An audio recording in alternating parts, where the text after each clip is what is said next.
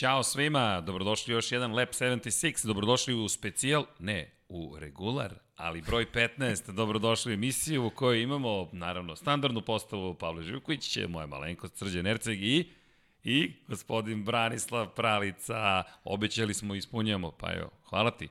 Nije hteo da dođe, ali čujem da si bio nije? uporan. Pa ni, nisam morao bude mnogo, nisam morao mnogo da ga ubeđujem. e, sad kad si rekao Branislav Pravica, ubacite neki aplauz ovo i tamo, znaš, kad, kad si... E, Gledamo Vanju i Ivanu. I to se ispade onako kako, kako, kako treba. E, ljudi, hvala na pozivu, eto, već neko vreme se dogovaramo. I evo, konačno smo uspeli da se, da se uklopimo, to jest ja da se uklopim vašim obavezama pre svega i mnogo mi je drago što sam ovde u vašem studiju koji je divan i što ćemo pričati o temama koje su takođe divne.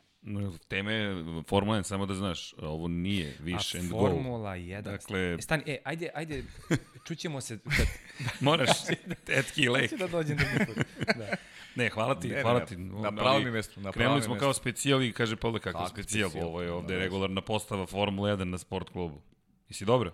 Da, odlično se hvala na pitanju. Vidim da ste vi odlično i tako i treba da bude s obzirom kakve su da kažem, luda vremena, ali bitno je sada ostati zdrav. E vidi, danas je veliki dan. Danas testiraju u Mizanu. Danas je u Muđelu Ferrari na, izašao na, na stazu. Na koronu ili ne? Znači, ja sam to pomislio kada je krenuo. Će biti Čekaj, korona. to je bizarni humor.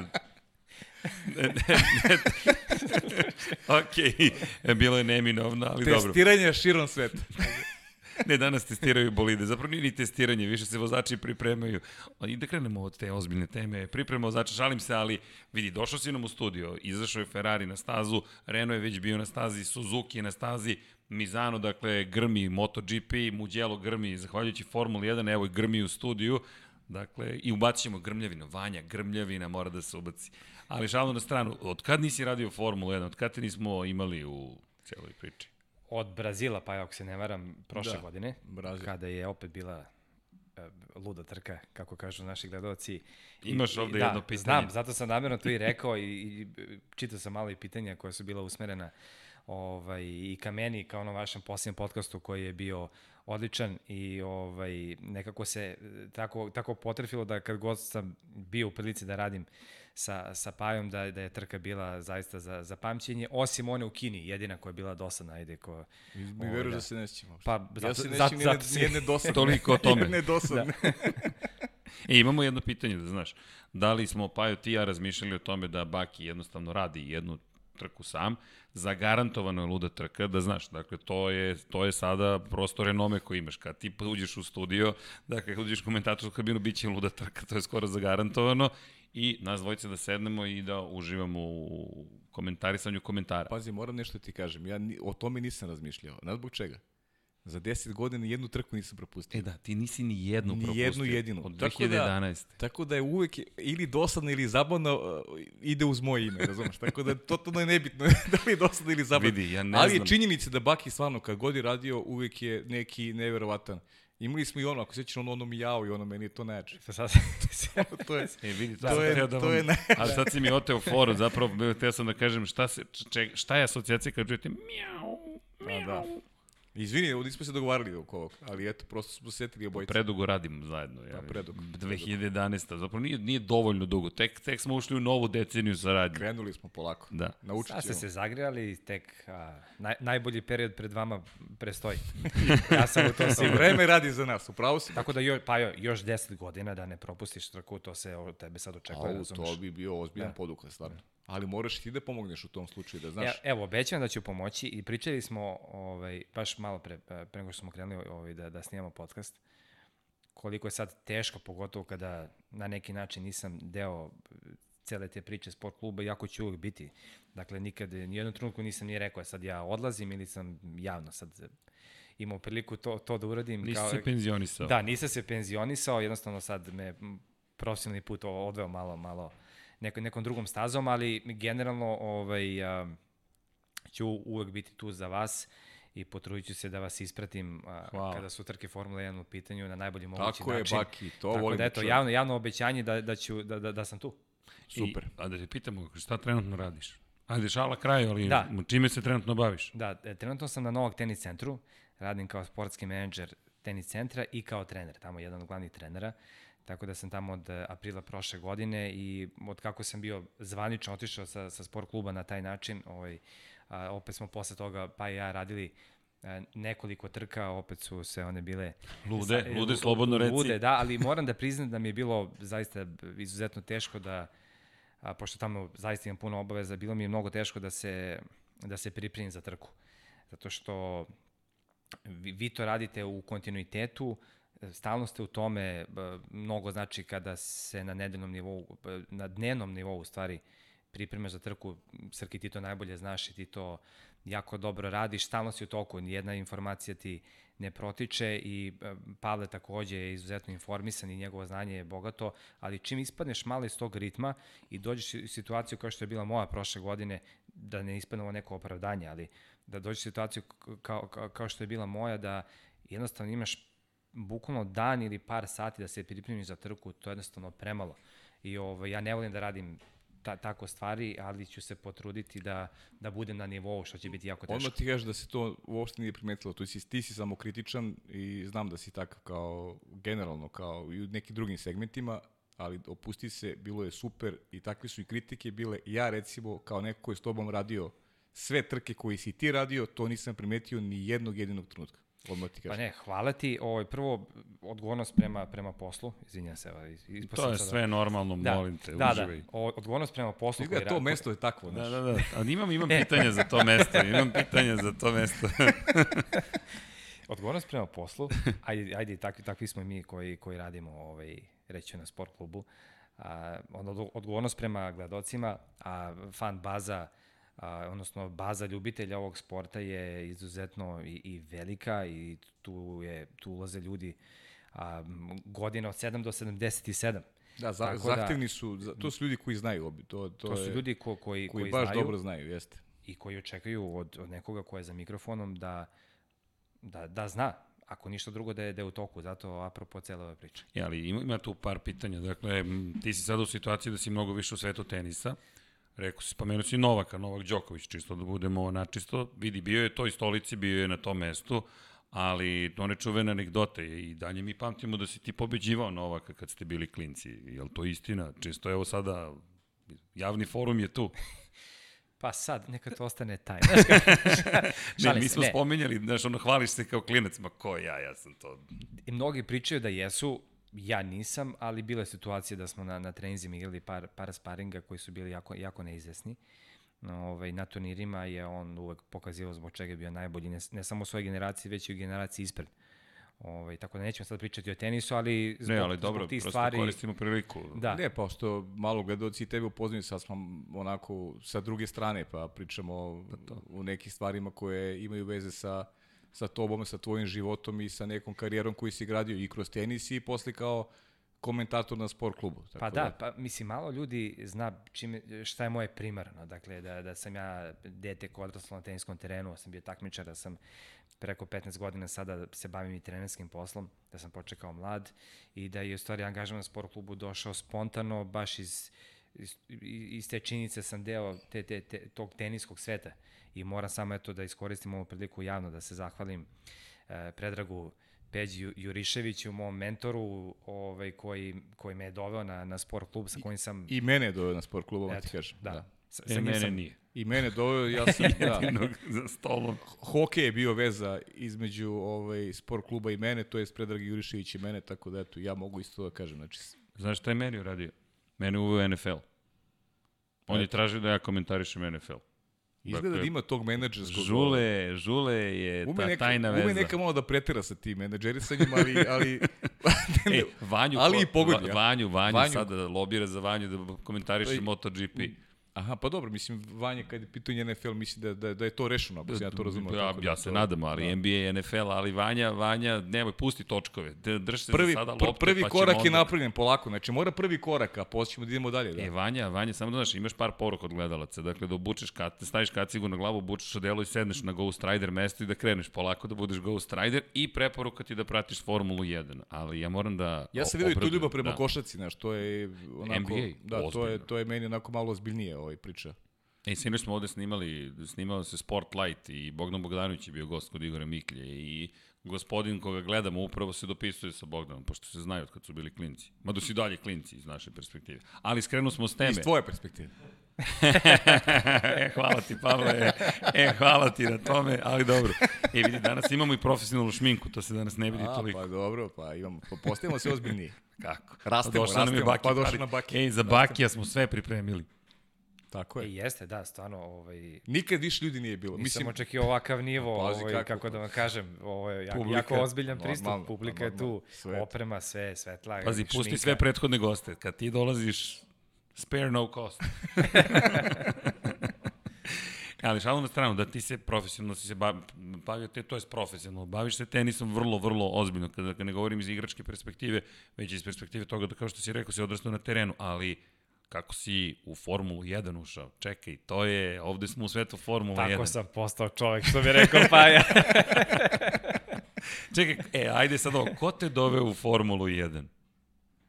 Uh, e, pa moram da kažem da, da, da ste, naravno, vas dvojica tu zaslužni, najviše, mislim i da kažem i jedini, a, i da ste podigli ste to sve na jedan više nivo. Zaista način na koji vi to, to radite već, već dugi niz godina je, je impresivan.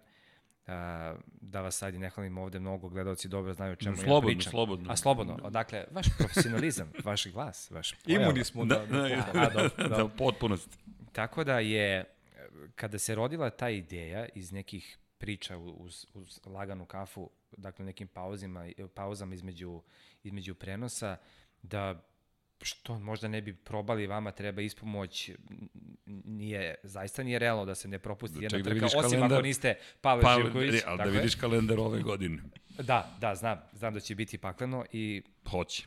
I onda se tako spontano, kao što se obično dešava, se, se rodila ta ideja da, da vama treba pomoć, a ja sam se našao verovatno na pravo mesto u pravo vreme i pokazivo sam zaista taj taj interes da, da nekako budem, budem deo te vaše male ekipe unutar cele ekipe e, SK. E, ali o, o, odmah da, da kažem da, da Mislim, možda će gledati sad ovo je stvarno opuštena forma, podcast, mi Na, pričamo, mi vidi, se, ako je neko Da. opušten, to smo mi. Tako je. Mi se, mi se dugo znamo, ali ja stvari ne volim da, da, da shvatam i, o, i da uzimam olako, tako da kad, kad je stigo taj vaš poziv da se pri, priključim, stvarno sam dobro bio razmislio, jer ovaj, tenis je nešto drugo, tu se osjećam kao, kao riba u, u vodi, ali, ali ovde već to nije bio slučaj, tako da sam onako baš bio, uh, dobro sam bio razmislio pre nego što sam rekao da, jer sam znao opet o, pozim od, od te, odnosno iste odgovornosti prema, pre svega prema gledalcima koji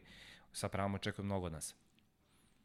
A vidi, ja gledam Paju vrlo značajno, zato što znam ko, ko, je, ko je rekao, ne, Bane Pralica je pravi čovek za to. Pa dobro, okej. Jeste. Bane Pralica je pravi jesam, čovek za jesam, rekao sam, znaš kako, ja sad malo opet ću biti šaljivi, on, sećaš se onog, onog čuvenog uh, Pedersena i priča. Sećaš se dobro da sad da. Da. ne prepričavam, ali on je, on je uvek imao znanje neko, to je, pričamo o Speedwayu. Pazi, osjećam se kao Drax u Guardians of the Da, Galaxy. znam kako Samo se osjećaš. prelazi preko glave, ne E, znam šta priča. Radio sam, radio sam Speedway, sam radio i on je ušao u kabinu i pitao me šta radi Pedersen, znaš, i to je neki gaf. Čuveni norveški vozač. Čuveni je vozač, Tako Norve, je. ispao je neki gaf, uh, nije norveški, nego danski, odmah ti Danski, kažem, izvini, da. Danski, Norveški. pobrkao si malo.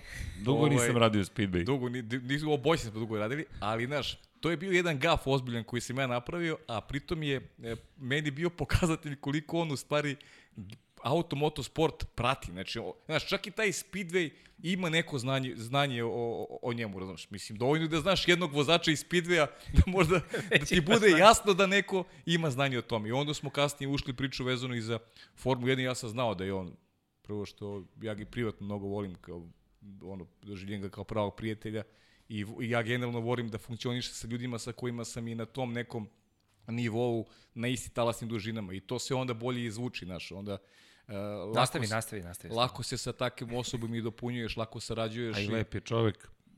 A dobro, to sad, znaš, to sad neko da ostavimo devojkama, neko komentarišu, Tako je, ali, tako je. ali Molim vas, devojke neko ostavljaju ovi.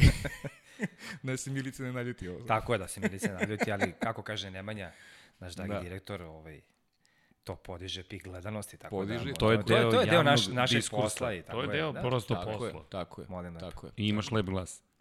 dobro, baš ste me nahvalio, dođe mi sad neprijatno Čekaj, sad osjećam idu ovaj, kritike, znaš da kažu da liči tvoj glas na Viškov. Da, da, e, pa tako, mislim, tako sam i počeo, dakle, ovaj, sa, ti, sa tim pritiskom, da ljudi nisu znali Viško Pralica, ovaj, s tim što me je to godilo, jer ako neko nas, nas pobrka samo zbog sli, velike sličnosti u glasu, meni je to imponovalo.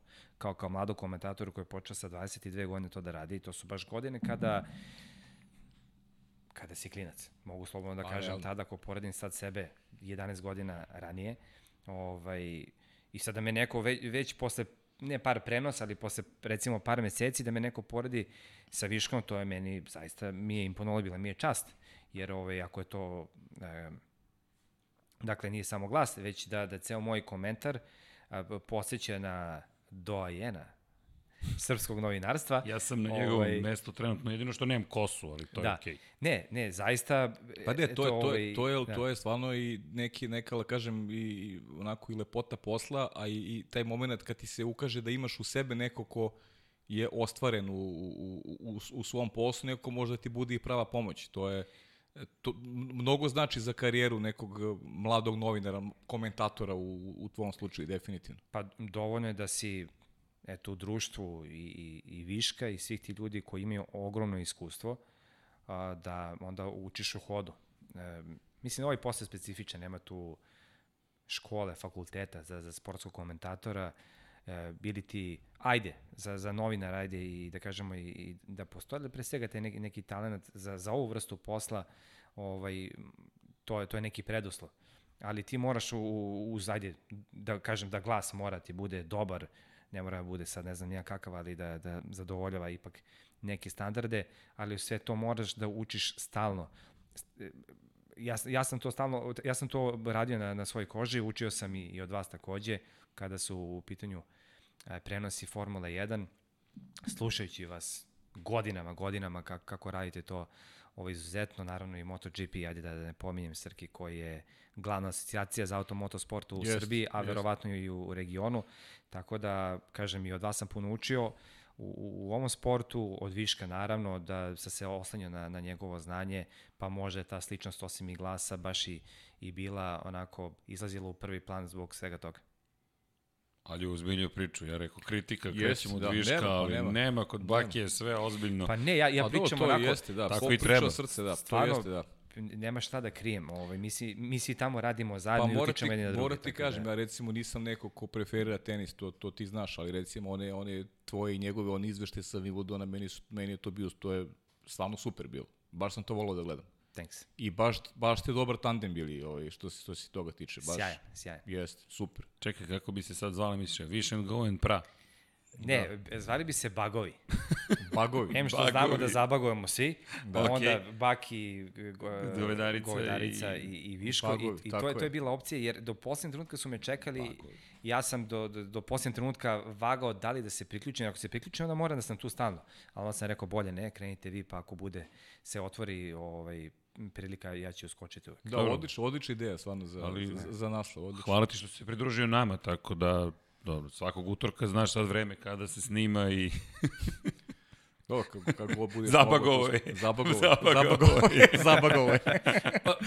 Mislim, ti si mislio da ovo je one off, jednom dođeš i to je to. Ne, ne, ne, ko uđe na ona vrata, to je to. ne izlazi. Ali šalno na stranu, hvala ti. Zaista, hvala ti. Znamo da i nemaš mnogo vremena, ali jedno pitanje vezano za, za, za opet za Formulu 1. Od, znamo otprilike kako je nas dvojica interno krenula karijera komentatora i Formule 1, ali kad je krenula ljubav prema Formuli 1? Uh, ja, uh, moja cache memorija je katastrofa, recimo, ali moj hard disk nekada se iznenadim šta izvučem iz, iz moje glave. Ovaj, tako da ja zaboravim bukvalno Bio, bio je jedan komentar u stvari e, za, za trku u Brazilu. Jeste. Da, da. Pa, I gledam ga upravo. Pa ovaj sudar Leclerc i Fetela Jeste. i kad sam čitao juče komentare, čisto malo se pripremim za ovaj podcast, da vidim šta su ljudi pitali, ja sam morao da odem na YouTube da se podsjetim šta je to bilo. Ovaj, I naravno da sam se odmah setio, nije to, nije to sporno. Ove, ali opet je, moja ljubav prema Formuli 1 je krenula od, od 94. ili 5. u Kanadi. Inače, prva trka koju sam radio je Mm, bila dobro. sa, sa Pajom ovaj, baš velika nagrada Kanade pre, pre tri godine. Nešto ima u toj Kanadi. Pa ima, da. Pa da, I makar- naša najbolje koju smo radili je Kanada. Makar, makar za mene je, je to bio specifičan moment, jer sam ja shvatio da sam ja bukvalno, moje prvo sećanje je, je vezano za veliku nagradu Kanade, kada su Žana Lezi i Schumacher vodili onu čuvenu bitku, kada se zaljubio u boje Benettona i tada je tim Benettona i kada je Schumacher na kraju, a Lezi je ne, nestalo goriva i on je na kraju povezao Lezija do, do, do pit. Tako da ovaj, to je meni ostalo u, urezano, ja sam tada imao 8 godina recimo, punih 8 godina, dakle bio sam izuzetno Recimo mlad. ili tačno? Ne, tačno 8 godina. Šalim se, šalim se. Dajem samo. sebi fore da, da, da izračunam koliko sam imao godina. Pa zato se bak ja slažem, mi smo generacija, znaš, tako da, znaš, da, primetio sam. Da. E, i, i od tada datira ljubav prema formuli da sam nastavio to, to da pratim, odrastao sam sa, sa Schumacherom i on je, i verovatno će biti jedini vozač za, za, koga ću, za koga sam odnosno stvarno navijao, tada kao dete i, i, i posle toga ostala samo ljubav prema sportu i onda mi budu malo i smešne neke, neke priče ko je tu za, za kog vozača, ko više navija. Iz ljubavi prema sportu mi svi ovo komentarišemo, svi imamo mi neke vozače za koje smo na, navijali, za, za Paju znamo za, za koga je. Srgija, ti, za ko, ko, ko je tvoj, Gde, u čemu? pa u formuli? a ja znam. Od starih? Ja znam, aj probaj da pogodiš, Ajde, ja znam ajde probaj, Probaj da. da pogodiš. Ti znaš da si ima Sena, ja znam da si ti Schumacher, a probaj da pogodiš, ja znam za koga je srećan. E sad, koliko treba da se vratimo nazad, to je, da, Pa to, to, to, a to je to vreme, period, to je to vreme kad Pa je, prost. kad je Sena vozio. E, vidiš, pogrešio se, nije Ne. profesor. Nije Ima jedan drugi, Nije. ima jedan drugi brka koji je bio, Mansell, tako je. Tako je.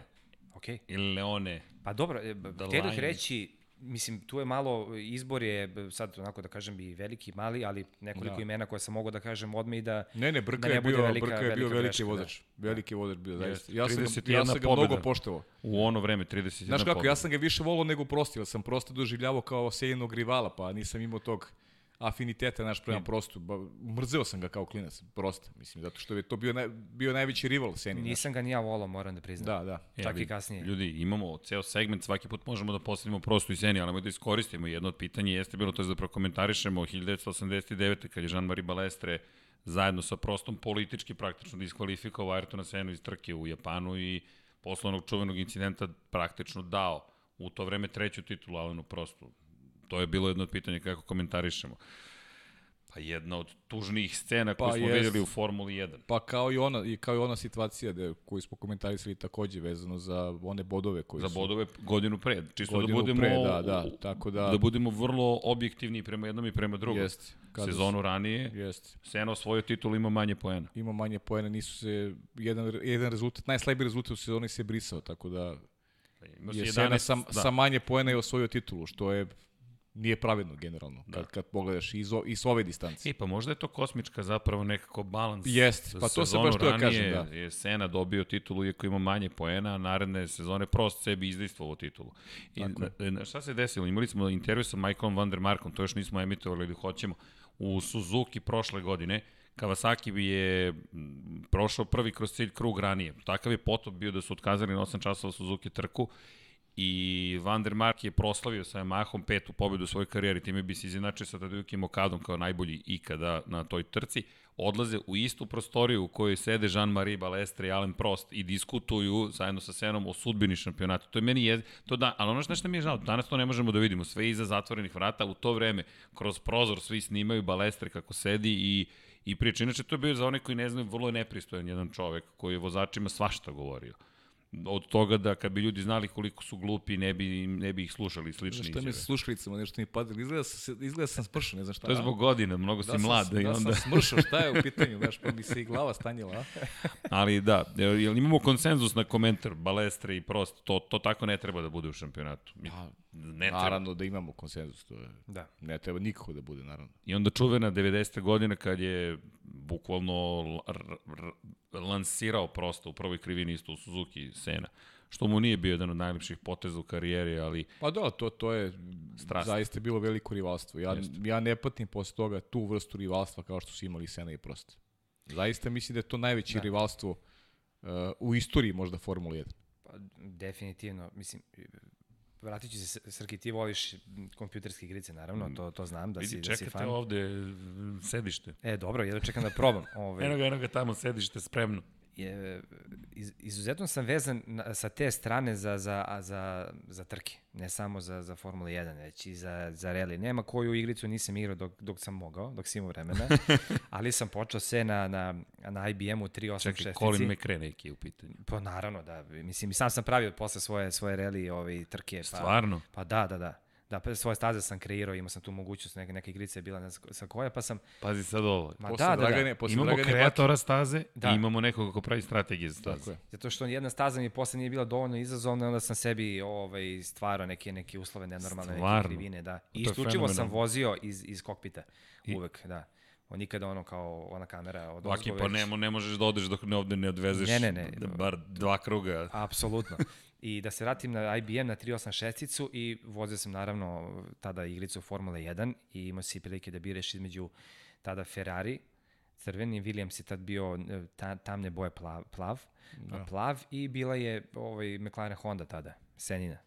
Tako da sam, eto, uz te bolide sam bukvalno odrastao, vozio ovaj, a, vozio tada najbolje staze, na, staze E, na se svetu. sećaš kaciga, kako su kacigi izgledale kad biraš timove? Tad nisu imali, ako se dobro sećam, Grand Prix igrica nije imala zapravo pa- prava da koristi imena timova i onda su samo boje bile slične i kacigi su bile slične, ali si po kacigi već mogu da razaznaš koji vozač je u pitanju. Da, da, pa lako. lako Da, to, be- to, je, to, to je instant bilo praktično. Be, bez velikih problema. E, ali e, sad ovde malo nam vode na vodenicu.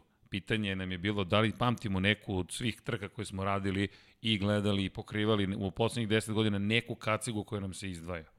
Video sam to pitanje, ali uh, Teško pitanje. Baš teško. da, Ne mogu baš da... da, jedna da. kaciga za koju mogu da kažem da, da, da mi je asocijacija na uopšte na Formula 1 je naravno Senina, koja je vrlo upečatljiva. Ali, ali svi pričaju o toj kacigi. Pa da, zato što to, to je kao što je meni jedna od glavnih as- asocijacija za, za bolid Formula 1, taj McLaren Honda Senin, te, te, taj crveno, crveno-beli bolid, a recimo u novijoj istoriji bi bio možda čak a, bolid koji je vozio Alonso i koji upravo gledam sad ovako ovaj, iz ovog mog ugla. E, da, odavde se vidi Da, žuto-plavi žuto, Renault. plavi Renault, to, to su uh, možda kultni bolidi. Naravno nisu, nisu jedini, ali eto, me, meni su to A asocijacije. vidiš, Da. recimo, meni je onaj Lotus, onaj, onaj, onaj crni, onaj bolid koji je vozio John Player Senna. Special. Da, meni je to najupečetljiviji bolid koji... Da.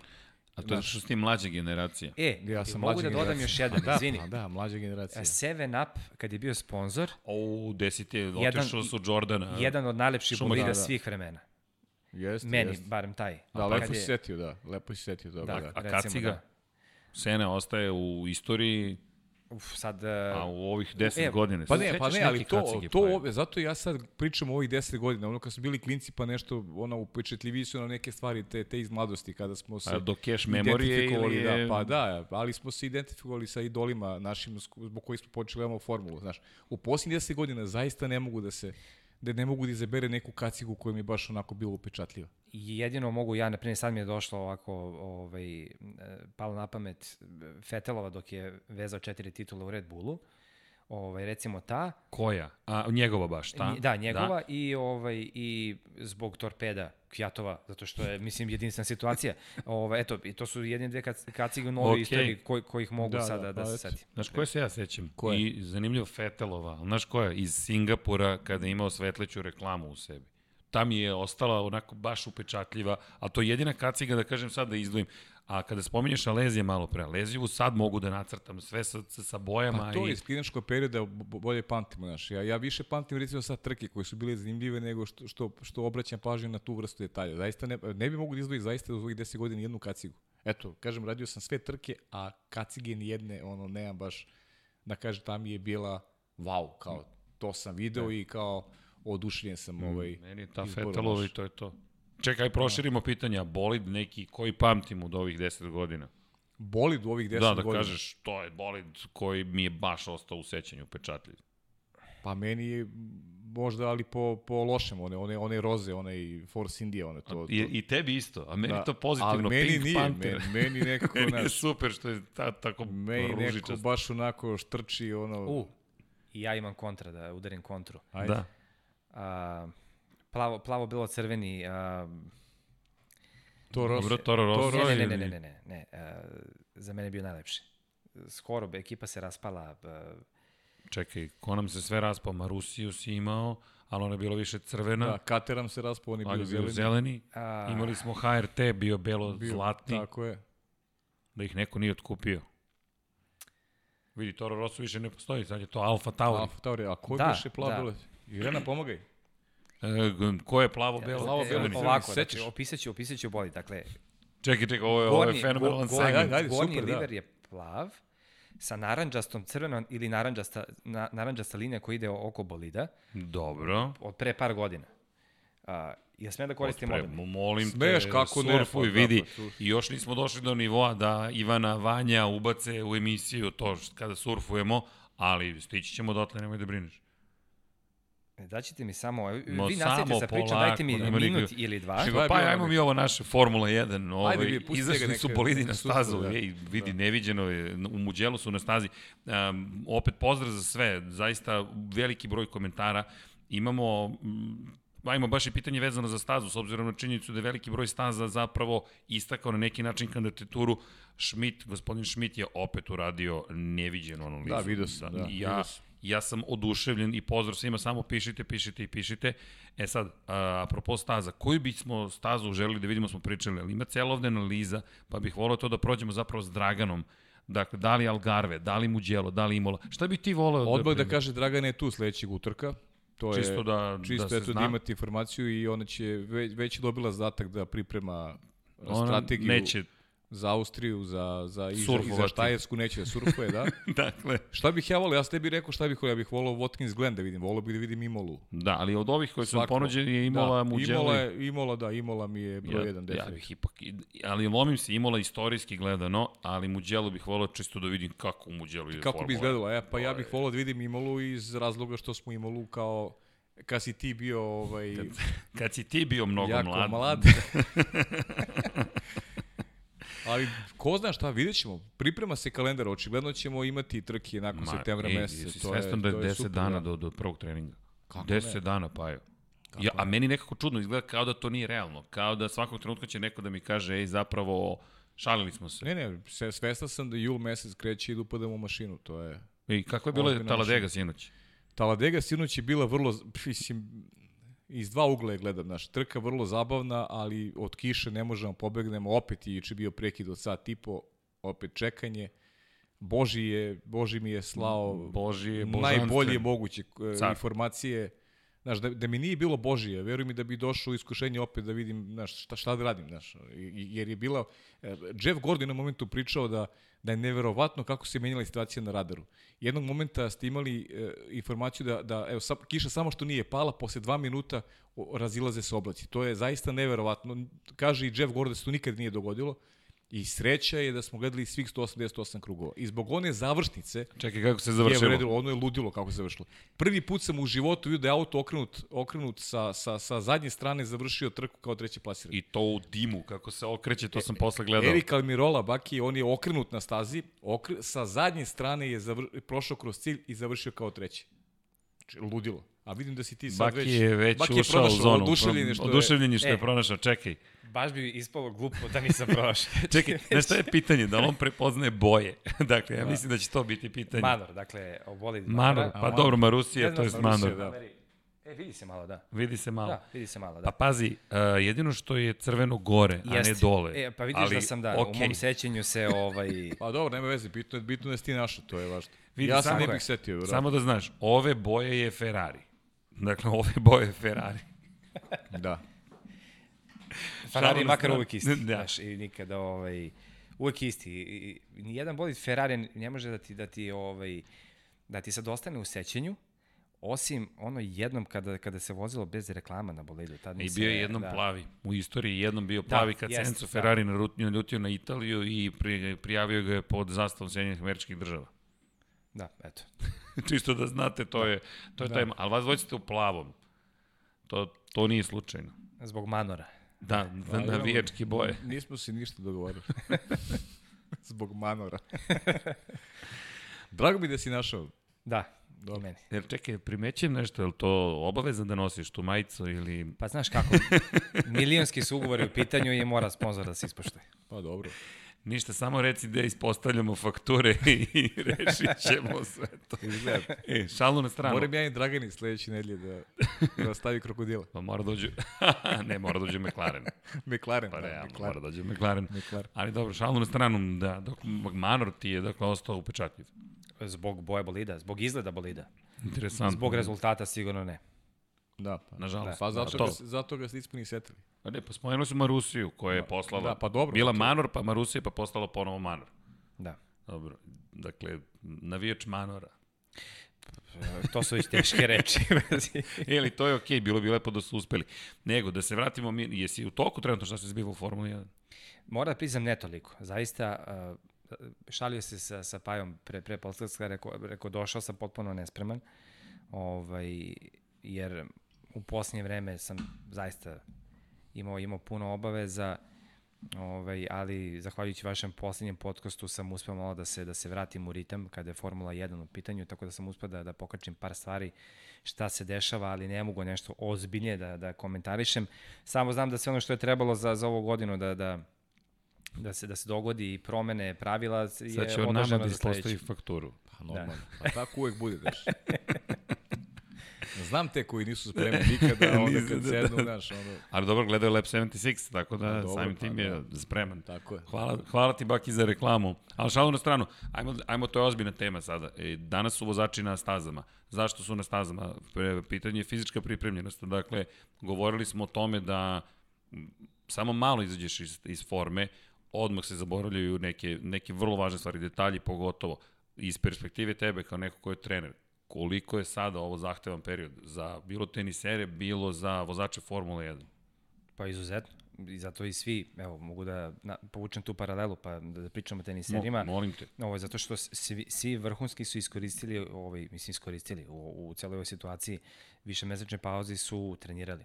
Neko svaki dan, neko možda malo manje, ali kad jednom ispadneš iz te rutine, ovaj, onda posle je strahovito teško, teško vratiti se, pogotovo za ove najbolje koji da bi održali taj nivo moraju zaista, oni vode računa o, ako bih rekao o najsitnijim detaljima, možda bi to onako zvučalo ne novinarski, ali zaista detalj je možda krupna reč kada recimo Novak u pitanju, Jer s obzirom da znam koliko je njegova situacija kompleksna, čemu se on vodi računa i on jednog dana nije, nije stao sa treninzima.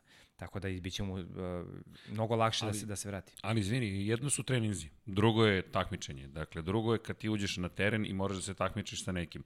Novak je na nivou koji je nezapamćen. Dakle, on, Roger Federer, Rafael Nadal, to su verovatno tri najbolja tenisera svih vremena. Pretpostavljam. Dakle, to je samo dugo, dugo se zaista ne bavim tenisom na taj način ali poredim ono što je Novak Đoković u svetu tenisa sa ljudima koji su u svetu automobilizmu u Formuli 1. I sad njegova priprema, ok, verujemo da su se svi oni pripremali, ali za njih pogotovo treba da sedneš u bolid. Zato su i krenuli, pogotovo vratni mišići, čemu su izloženi. I ti generalno, kada je reč o refleksima, koliko moraš da budeš spreman.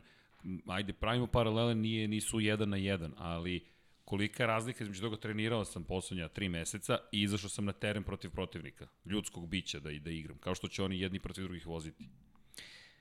Pa sve se u formuli dešava u milisekundama i, i njihova forma se na kraju i, i, i svede na tu možda instinktivnu Kako, reakciju. ali kako onda vežbaš čoveka, dakle, ajde u tenisu, to su, ako pogledaš Đokovićeve reterne, dakle, to je isto delić sekunde, to je već instinkt praktično, dakle, to je reakcija koja izgleda nestvarno. Više pitanje iz perspektive pripreme, šta sada, dakle, i šta očekuješ od njih, možda još bolje pitanje, sledeće nedelje, hoće biti zarđali vozači Formula 1 A neće, petak. sređen, to, oni, to su spremni momci, to je to urođeno im je da, da, da, da, da ja verujem da su naši način da treniraju ono vreme, i ono vreme pandemije, mislim, znaš. Da misli koliko su postoje srećni vežbe, sada. pa sigurno su srećni, postoje vežbe, postoje vežbe e, koje mogu da rade i u okviru svojih, e, da kažem, i domova i sigurno su, e, niko se nije zapustio, siguran sam u to, jer su imali negde svest o E, to tome je- da će sezona da se nastavi, tako da mislim da su u fizičkom smislu, što je naravno mnogo važno za svaki sport, pa i za Formu 1, znamo koliko vozači gube e,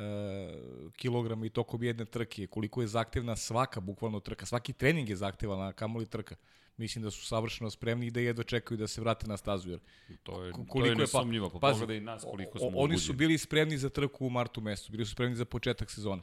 Koliko je prošlo od- marta? Prošlo je par meseci, sigurno su izgubili na, nekoj, možda smo mi se i mogli dozvolimo da malo da da malo ovaj nabacimo jesmo koji kilogram i to. Pa dobro, ja jesam. Ti ne znam, za, za, mislim da ti nisi, ali nije bitno. Nisam bio Nije loš. važno. Za, za naš posao to nije toliko važno, ali verujem da, ne da verujem, nego sam siguran da su ti momci savršeno spremni, da se neće to videti kroz, eh, kroz takmičenje, da, da, da, da ima, ima da Mislim- postoji ta vrsta problema. Mislim da je današnji dan zato toliko važan, dakle da su da izlaze na stazu, da da imaju priliku da testiraju. Znaš, to je to je to je nešto što što to moramo nekog od vozača Formule 1 da dovedemo i da kažemo, ok, kakva je razlika? Kako? Pa dobro, naravno, naravno. Vratno prvi krug neće biti sjajan, ali brzo će se oni vratiti. Ba, ritam, sigurno, to, Peti, to nema. šesti, sedmi. Pa pazi, to ti je kao pauza, pauza koju Ili imaju... 76. Znaš kako? kao pauza koju imaju između dve sezone, znaš.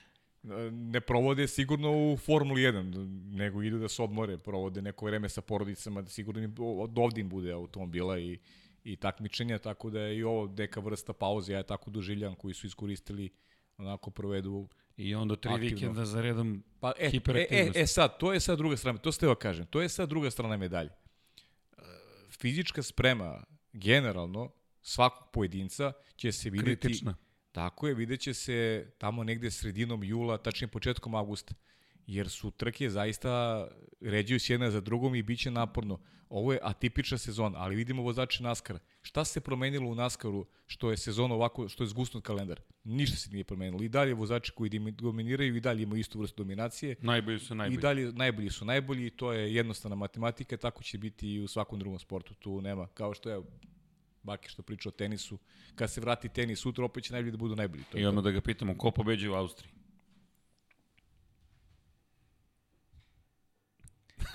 ok, ovo je bila dramska pauza. Dramska pauza, neka, neka ostane tako, zato što stvarno ne, nemam ideju. Mislim, nemam ideju. O, o, svako će reći i izabraće nekog od ovih naj, najboljih, ali možda bi mogao Max ponovo da, da, da odvoza Pa da, pa dobro. kao, to- kao prošle godine. Gledam ovde navijače Ferrarija, nisu zadovoljni izborom prošle godine. Vas dvojci ste radili tu trku. Da. Verstappen Jesmo, protiv da. Leclera, ne Pa zaboravimo to je jedno najbolji, je to jedno najbolji trka u sezoni definitivno. I Max je bio sjajan, zaista, ali opet, mislim, naravno da se očekuje da će Leclerc da bude dobar, da će, da će Ferrari da bude na nivou Mercedes.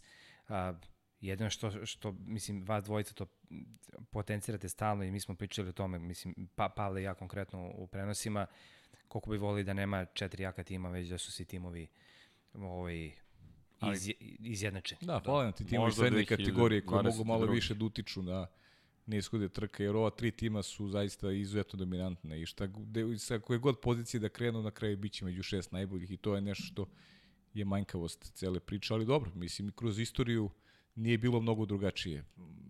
Često.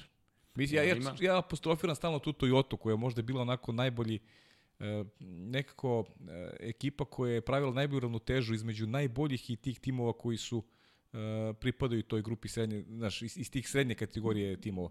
Toyota je znala da, da, da i tekako utiče na ishode šampionata. Imali su izuzetno dobar projekat, dobre vozače, znali su se domognu i podijuma. Recimo Force India je imala tu vrstu, da kažem, e, i ambicije i mogućnosti da, da, da se onako lepo protežira u tom gornjem domu e, šampionata, ali vidjet ćemo šta, mo, šta ti rezultati predsezone koliko su validni i da li mogu da, da krenu tim putevima kojima je išla Toyota. I Montoya tada vozi za Toyota u jednom trenutku ili... To si otišao još u Otišao Indikar. si Indikar, da. Odvozio Da. za Toyota u Indikaru. Vozili su Pa jar, posle Jarno kaže da Trulli, nije pratio da, i Jarno trke. Trulli, Jarno Trulli i Timo Glock su godina. bili Tako je, vozači Toyota. Jeste. Mm, Ali, apropo, ajmo da se dotaknemo samo. Radili ste tu trku, to je stvarno bila jedna od najboljih trka. To je bilo ne, nestvarno kakav je duel između Leclera i, i Verstappena bio. Dobili smo pitanje čemu animozitet prema Lecleru, ali Nema, nema, ne nema animozitet. Video sam to, da je, pa, to je, jel mogu sad da stanem u vašu odbranu, kao što sam radio Pa to ne, više pa puta. stani u- Mislim, Mislim da ni nije Zastupaj, napad. svoj, Ne. zastupaj svoj stav, ja ne doživljam kao napad, Da, to- to je razmena, razmena mišljenja, razmena mišljenja. je. Apsolutno. Ne, nego toliko smo ga hvalili u prenosima iz onog perioda iz Alfa Romeo, kada se videlo koliko jedan dobar vozač znači nekom timu koji, koji se ne, ne nalazi u vrhu i koliko zapravo dobar vozač može da izvuče iz bolida. I Leclerc kao, kao tada, kao rukije je uspeo to, to da uradi, u ostalom zato je dobio angažman u Ferrariju. Tako da za Leclerca mislim da si imao samo reči pohvala, da ćemo ga nekad kritikovati za po neki loš potez, pa svi mi i grešimo, tako da ovo, Da, to sve, ja, ću, mislim ja, da ću, normalno. ja ću da ispričam ovo, to sam govorio nakon prošle podcasta, govorili smo onako nezvanično kad se završio podcast, ja ću reći zaista šta mislim o, o celoj priči vezano za Leklera. Jednostavno ja ga ne vidim kao neko ko je šampionski kalibar, ali to je samo moj stav. Pravim poređenje na nivou tih vozača iz te francuske škole koji se pojavili u posljednje deseta godina. I tu naravno stavljam akcenat na pre svega a, pokojnog Žila Bjankija, a, a, Romana Grožana i sada na Charles Leclerc. Moj utisak je da su Roman Grožan i Charles Leclerc došli do nekog nivoa gde ne može dalje. Ja mislim da je to neki njihov maksimum. Tako ja vidim. Kod Žila Bjanke se vidio potencijal da napreduje i dalje. Žil Bjanke je neko ko u Formuli 2 nije osvajao titule, ali je e, kada je on vozio dobro, kada je bio raspoložen, to su bile perfektne trke. On je razbio na stazi Romana Grožana, iako je Roman Grožan za Dams osvajao šampionski titul. I Roman Grožan je doživeo neku, da kažem, zrelost kad je ušao u Formulu 1 i ta karijera je počela da uzlaznom linijom. I, e, nikad nećemo saznati krajnje domete Žila Bjanke, nažalost, ali ja sam ga vidio kao potencijala da se bori za titulu u bojama Ferrari. Imam utisak, ali to je samo moj utisak, da su Roman Grožan i e, Charles Leclerc već došli do jednog nivoa koji je e, njihov maksimum. Ja ih tako doživljam. Vole bih da se, da se varam, jer to je bilo dobro za Formulu 1, jer Charles Leclerc dobio e, dobio je Ferrariju, da, mislim, to je neverovatno za te godine da si ti izabran da budeš prvi vozač Ferrarija. Da li će tom pritisku uspeti da, e, da se onako, da odoli tom pritisku i da postavi neke standarde u rezultatima, ja nisam siguran, ali bih volio da se to dogodi zaista. I držimo onako i sve snage fige da to bude kako treba, ali imam dozu sumnje, ali, to je prosto moj stav. Ali ovo što jeste pitanje jeste, dakle, Leclerc je osvajao sve što se osvojiti može. Sve do sada je osvojio, praktično. Dakle, ostaje mu samo titul u Formuli 1. U Formuli 2 je bio najbrži, u Grand Prix 3 seriji, to je u Sve Formuli 3. stoji. Isto kao Grožan. I, da, ali zanimljivo, Russell, na primjer, je išao tim putem, Russell koji je u maloj ekipi i dajemo veće šanse Russell, to je ono što je bilo pitanje gledalca. Ok, dakle, to je samo... samo Ali to je pogled sa strane, Tako dakle, je, to tako niko od nas ne zna. Pa niko ne zna Ima- i ništa ne znači u principu. To je samo naše viđenje stvari. Vidjet ćemo kako će se odvija karijera i Leclera i Russella. Ja, I, ja sam siguran da će Russell da bude veliki, da će biti šampion. Ali To ono to. što je meni tu zanimljivo, imaš situacija koju, ne znam da li si na to išao, ali na primjer u nižim kategorijama smo gledali vozače koji osvajaju titule i ne uspevaju u Formuli 1 i obrnuto, vozači koji ne uspevaju u nižim kategorijama i uspevaju. Isto je u motociklizmu.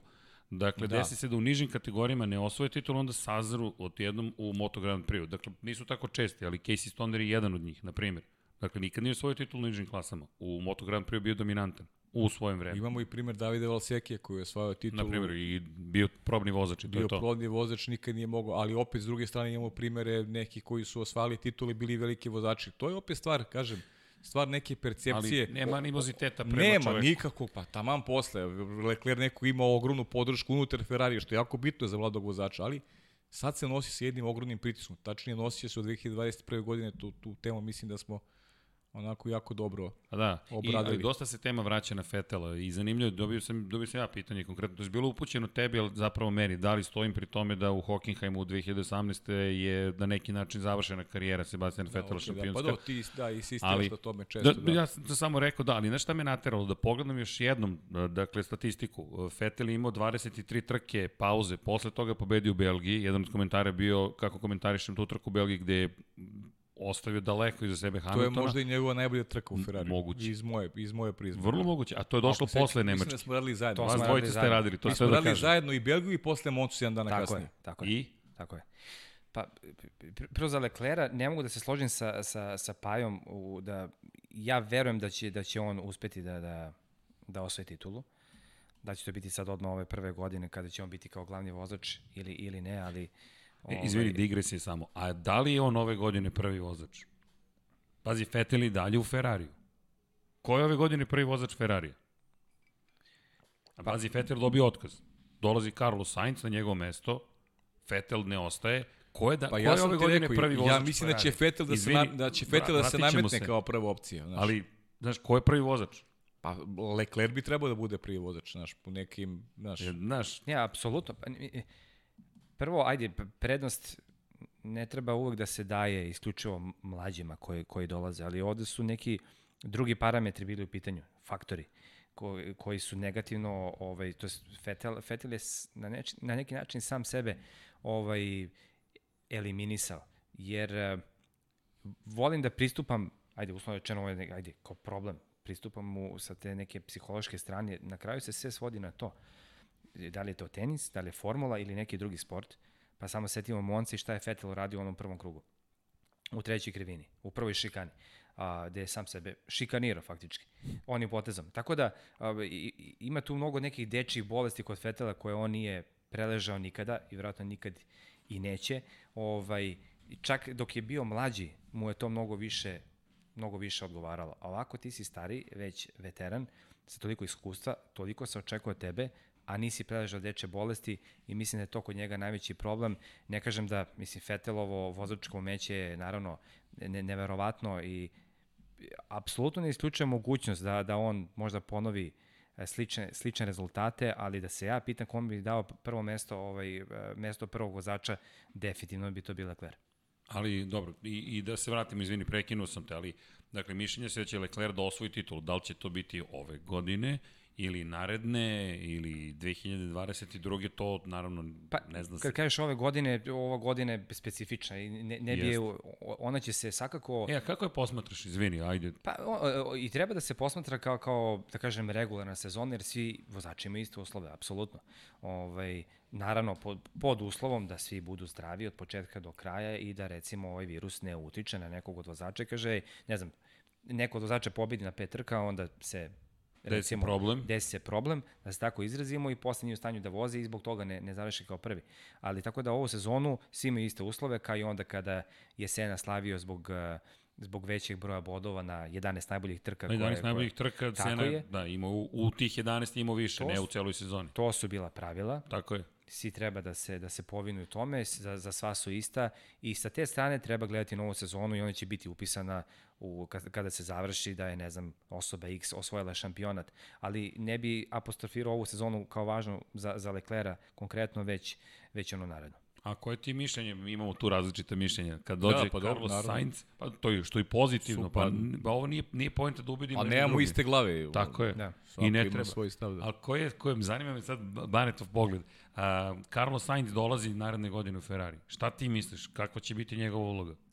Prvo, umoran sam od, od, od, od priča, od verovatno i vi. Ne, ne, ne od toga, nego prvi i drugi vozač. To mi je više toliko... Mislim da to... A viš kako se vraćamo na tu ne, temu. Ne, nego zato što to jako loše utiče na, na, na celu perspektivu kroz koju se gleda Formula 1. I ti u startu imaš prvog i drugog vozača, u startu znaš kako će timovi da se, da se postave. E, ali, ali da li to, znaš, to je, to je ali trend, to je sad, to je ali McLaren to nije imao i baš smo bili u prethodnom podcastu pitanje da li bi McLaren osvojio to više ne. titula. I sad u Mercedesu imamo broj 1 i 2, apsolutno se zna. Od kada je Rosberg bacio mikrofon i rekao ćao, dakle mi imamo broj 1, broj 2, u Ferrariju imamo, ali baš i nemamo. Meni, e, kad si, rekao, kad si rekao rivalstva, da. pominjali ste sad čuvena Sena prosto. Rosberg, Hamilton ne može da se, da se meri sa tim to rivalstvo, ali je bilo sjajno. Mislim, bilo je opet rivalstvo. Bilo je sjajno rivalstvo i Rosberg je bio taj koji je rekao, ok, tim je rekao 1-2, ja ne kažem 1-2 na taj način.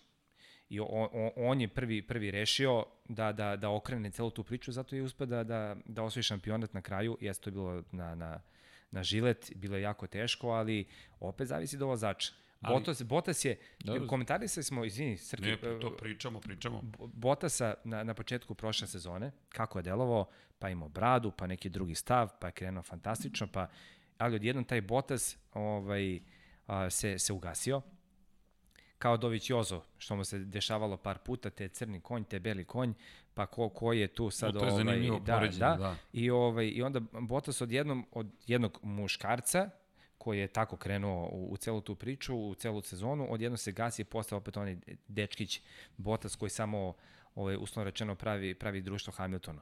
Potrebno je da za dobrobit Formula 1 je potrebno jednostavno da imamo vozače koji su karakteri, koji a, neće uvek da se povinuju odlukama a, timova, u smislu da, da ne prave štetu svom timu i suvozaču ako su već u nekoj lošoj poziciji, ali da, da se ne pomere sa tim da postoji broj 1 i broj 2, već da se da mogućnost da se, da se trkaju i da se takmiče. Pa da, ali mu treba da ih bira neko takve karaktere, znaš, to je, Pa to evo je sada, poenta cijele situacija priče. s Ferrarijem, mislim da je da ide nekako u tom pravcu, dva vozača ambiciozna, dva kvalitetna vozača, Sainz koji ima veće iskustvo. A vidiš, tu se ne slažemo opet, znaš. E, to, aj, evo, to, to Tu je se baš ne to. slažemo, znaš. Ja, ja baš mislim da je Sainz izabran upravo zbog toga da bude broj 2.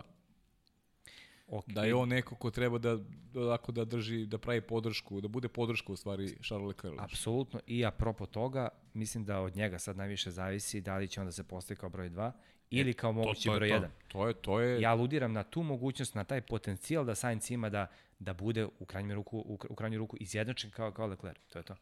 Ali to, to, to je upravo to sada.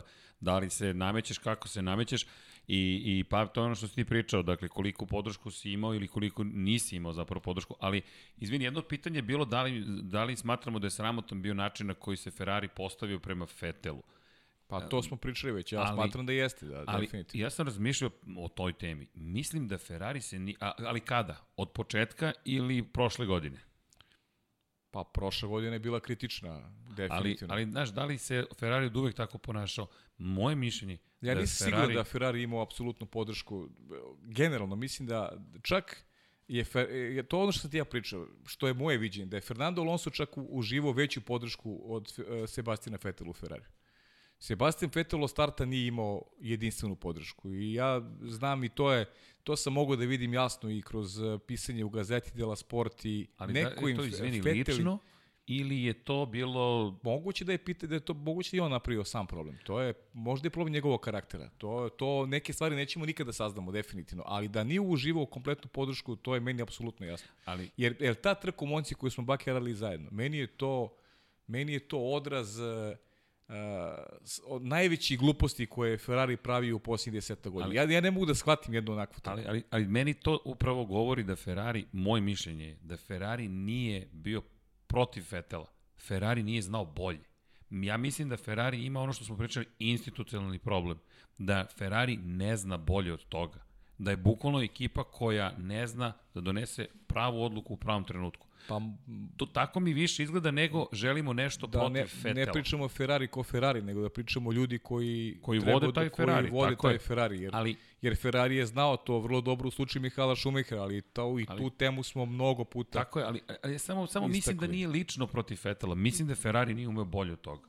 Pa Meni dobro, ali samo ti da kažem, ne sad bolje. pitanje je kako se i sam Sebastian Vettel postavio. Unutar Jer- Jer ekipe. mi smo, mi smo govorili koliko je Schumacher uh, onako bio jedan radoholik uz taj prirodni talent koji imao. Jedan Dobro, on je ra- on je čovek koji je mogao da bude 26 sati u garaži, bukvalno. Znači da, da izmisli neko novo vreme da provede u garaži. Pitanje je kakav je stav, kako se postavio Sebastian Vettel u životu, znate i sami, u životu jako bitno kakav, e, kako se nametneš u nekim odnosima, u, u bilo kojoj vrsti odnosa. A ako tu napraviš neki pogrešan korak, tu si završio si za, za, za sva vremena si završio. To je ono što i, ja mislim, Baki ti pričaš trenutno. Dakle, ko će uspeti tu da se nametne, ali to ti malo treba i sreće. Da u pravom trenutku uradiš pravu Pa stvar. nije samo sreće, pitanje je naravno i poverenja. Znaš, to, E, vidi, to- je, pazi, to ka, ide sad pričamo pre. o Carlosu Saincu, ti dolaziš u ekipu koja je apsolutno Leclerova. To je njegova ekipa, to su njegovi ljudi. On, on je prošao tu akademiju. Ima menadžera sina Žana Toda, ima, čo, ima ljude koji su, koji su uh, bukvalno rade za njega, rade za njegovu karijeru. I ja mislim da je, da, da, da je generalno ta struja Leclerova i pobedila u, u celoj koncepciji budućnosti Ferrarija. Ne treba Charles Leclercu u timu ni Sebastian Vettel, ne treba mu ni Lewis Hamilton, ne treba mu niko ko će da ima a, u, u, prvom, u, u prvo vreme neke ogromne ambicije. Treba mu neko ko će da mu bude podrška. Ja tako vidim projekat Ferrari. E, ali, a- Šta je Carlos Sainz napravio do sada u karijeri da bi zaslužio mesto Ferrari? Ajde da budemo realni.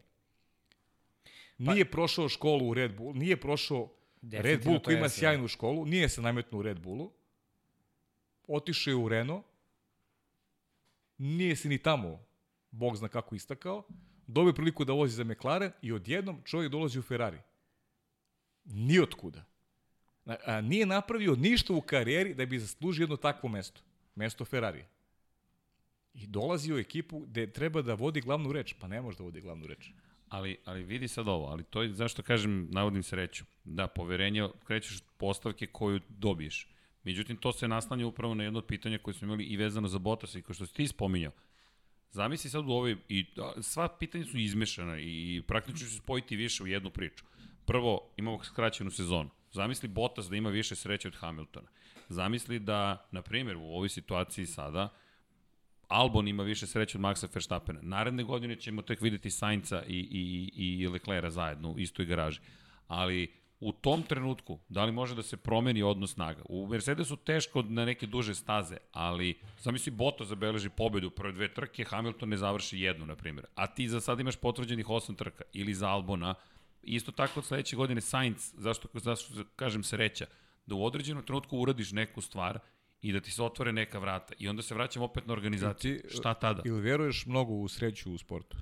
Pa verujem da je gradiš, da je bitno da ti stvoriš svoju sreću. Ali moraš da je imaš. Ja opet mislim da ćemo i, da, i, i u ovoj skraćenoj sezoni, na naš kome može da se osmehne sreća? Može da se osmehne sreća, uh, sreća. Maxu Verstappenu dobro krene sezonu, pa da Red Bull izbije u prvi plan naš. Dakle, ne veruješ da ćemo neko veliko iznenađenje Ne verujem da ćemo imati veliko iznenađenje tipa to Valtteri Bottas će se boriti za titulu. Znaš, A znaš šta? tu ina- vrstu iznenađenja ne verujem, zaista. ina- Inako je Red Bull uvek bolje funkcionisao u drugom delu sezone, Tako tako, je, da je tako je. taj njihov tajming se poklapa sada sa ovim šampionatom E, koji... ali, ali to je dobro pitanje, zašto funkcioniš u drugom delu sezone? Da li je im je potrebno 7, 8, 9 trka da dođu do forme ili su u pitanju staze koje posećuju? Pa nisu staze sigurno. Nemoguće da je svaki put uh, do, do staza i do istih staza. Oni bukvalno to posle, posle Barcelone kreće, kreće Da. njihova forma da, da, da ide Kad uzlaz, dođu u uzlaznom linijom. Da. Da, tako da ovaj, Ali da li ćemo isto imati priču sada? Dakle, Ferrari, pričali smo to 15 konja, jači motor. Znaš, ko će sada biti spremniji? Će opet Mercedes biti najspremniji?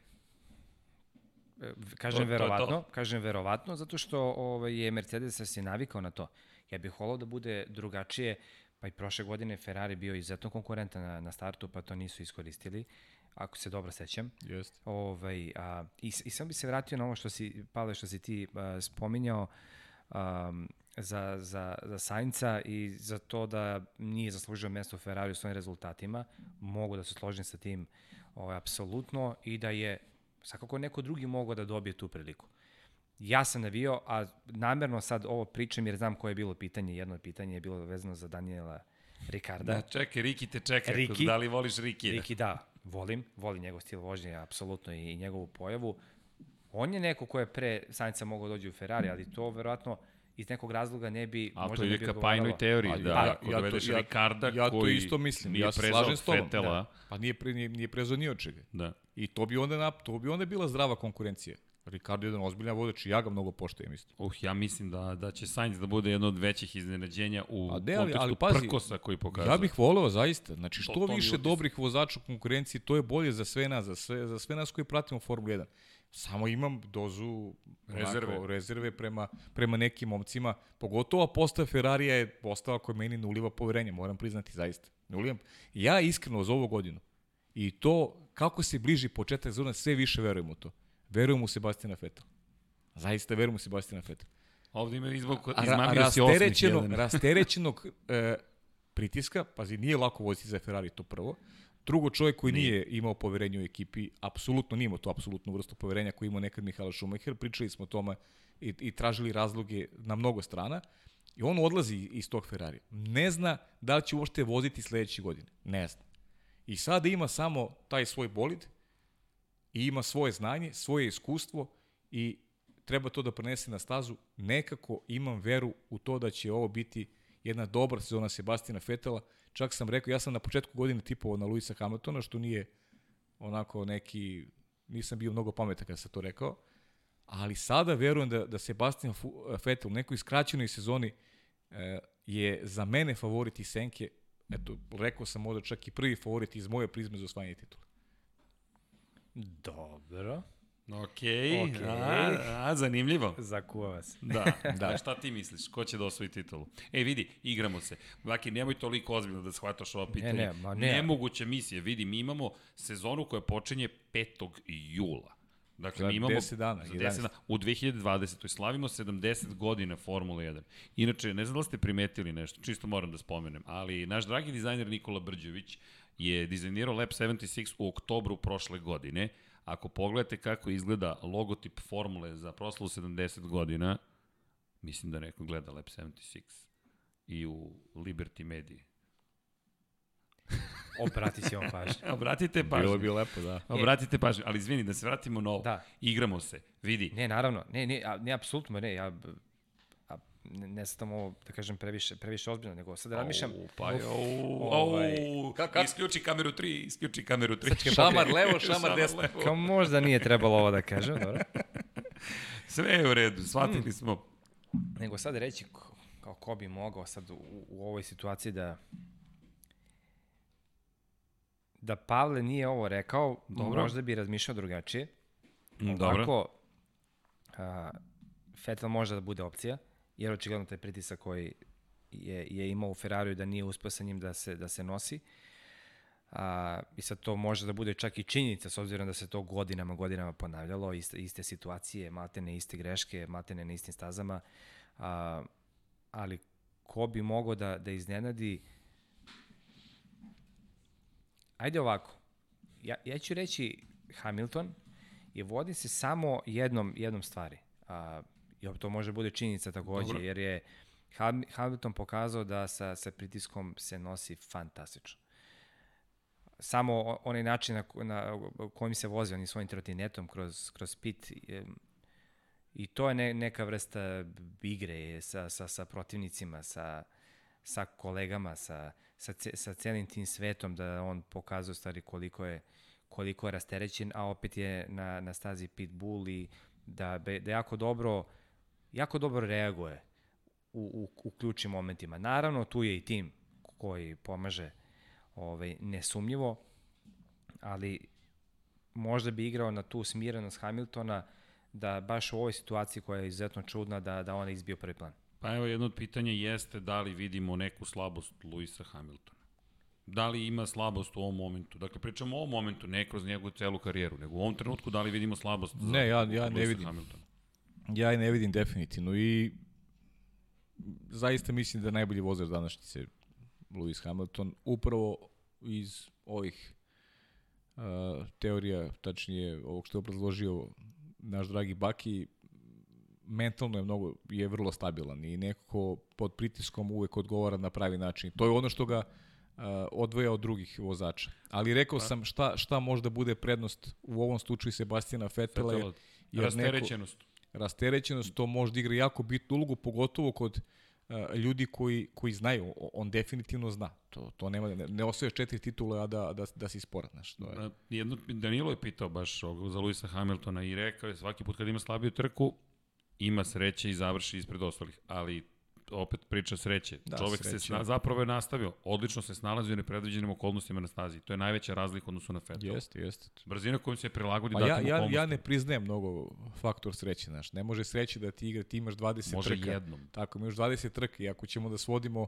u, učinak e, na, sre, na, na faktoru sreće, zaista je Mislim ne- da je neozbiljno, stvaraš. vrlo neozbiljno Stvaraš pričamo je o tome. Da. Stvaraš, Ali, tako je. evo, da Komše je dodao, Alonso je rekao da je slabija tačka Luisa Hamiltona početak sezone i da to niko ne koristi dovoljno. Pa dobro, Alonso to priča i svoje prizme, takođe.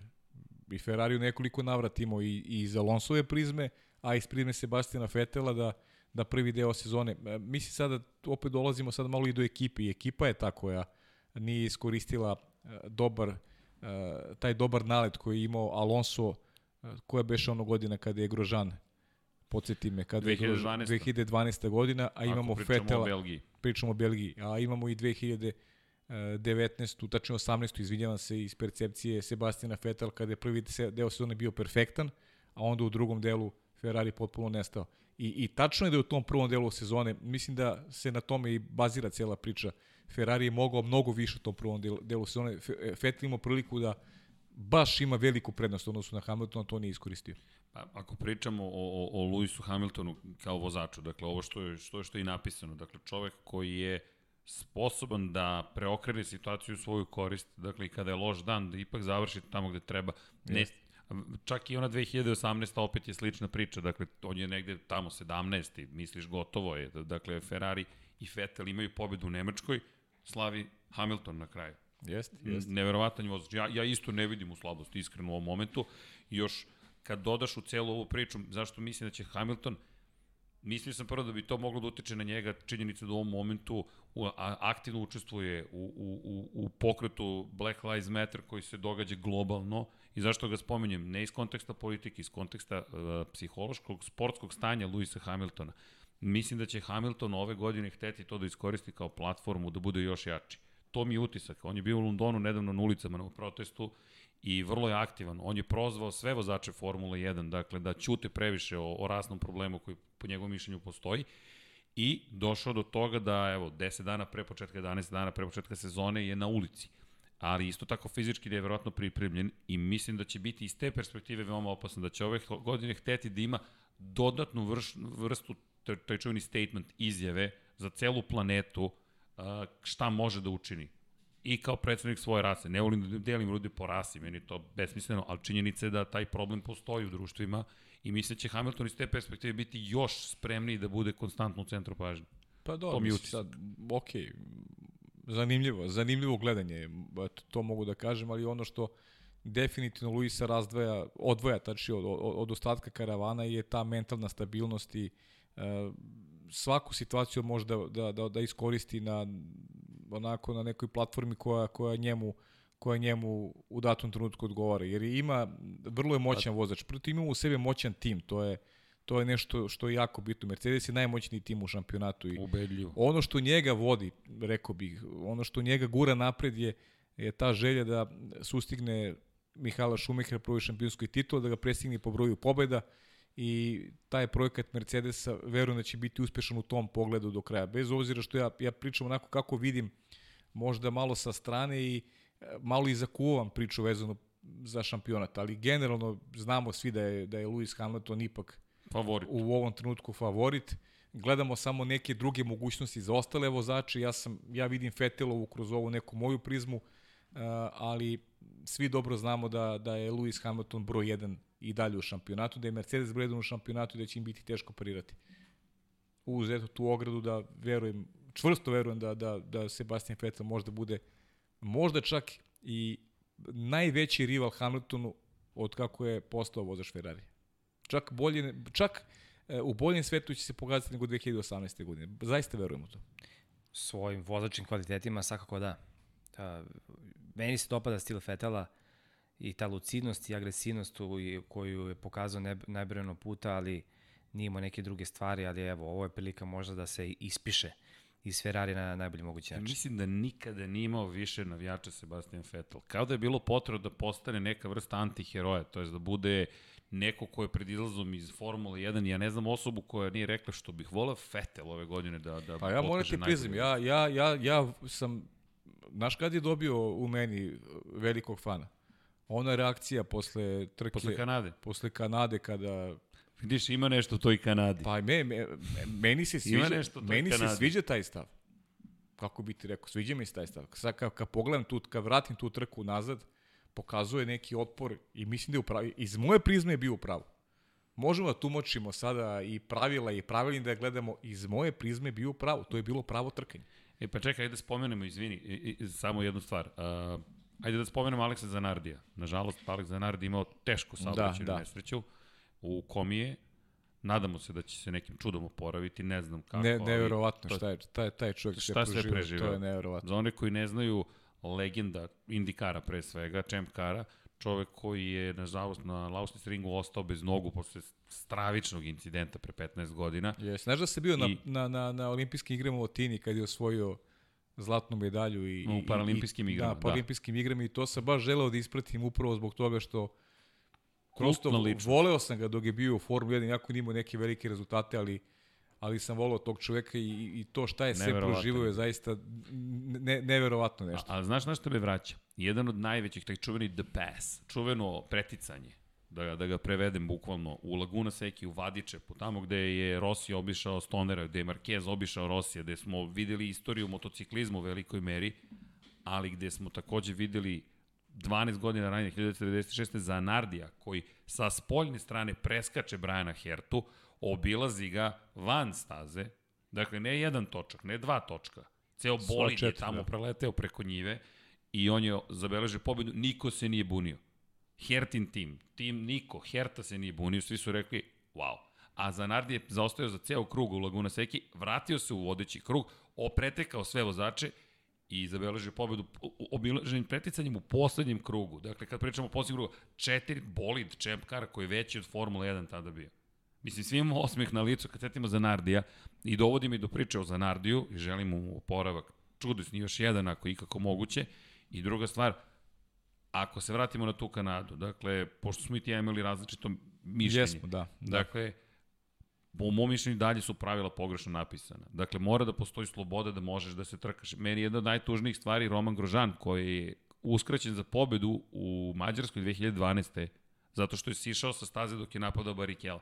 A Barikelo se tako branio, ne oprosti Masa, Masa se tako branio da je ga izgurao praktično sa staze, on ga je pretekao sa spoljne strane. Znaš šta je meni veći problem? Od toga da su možda pravila pogrešno napisana. Nego što se drugačije tumače.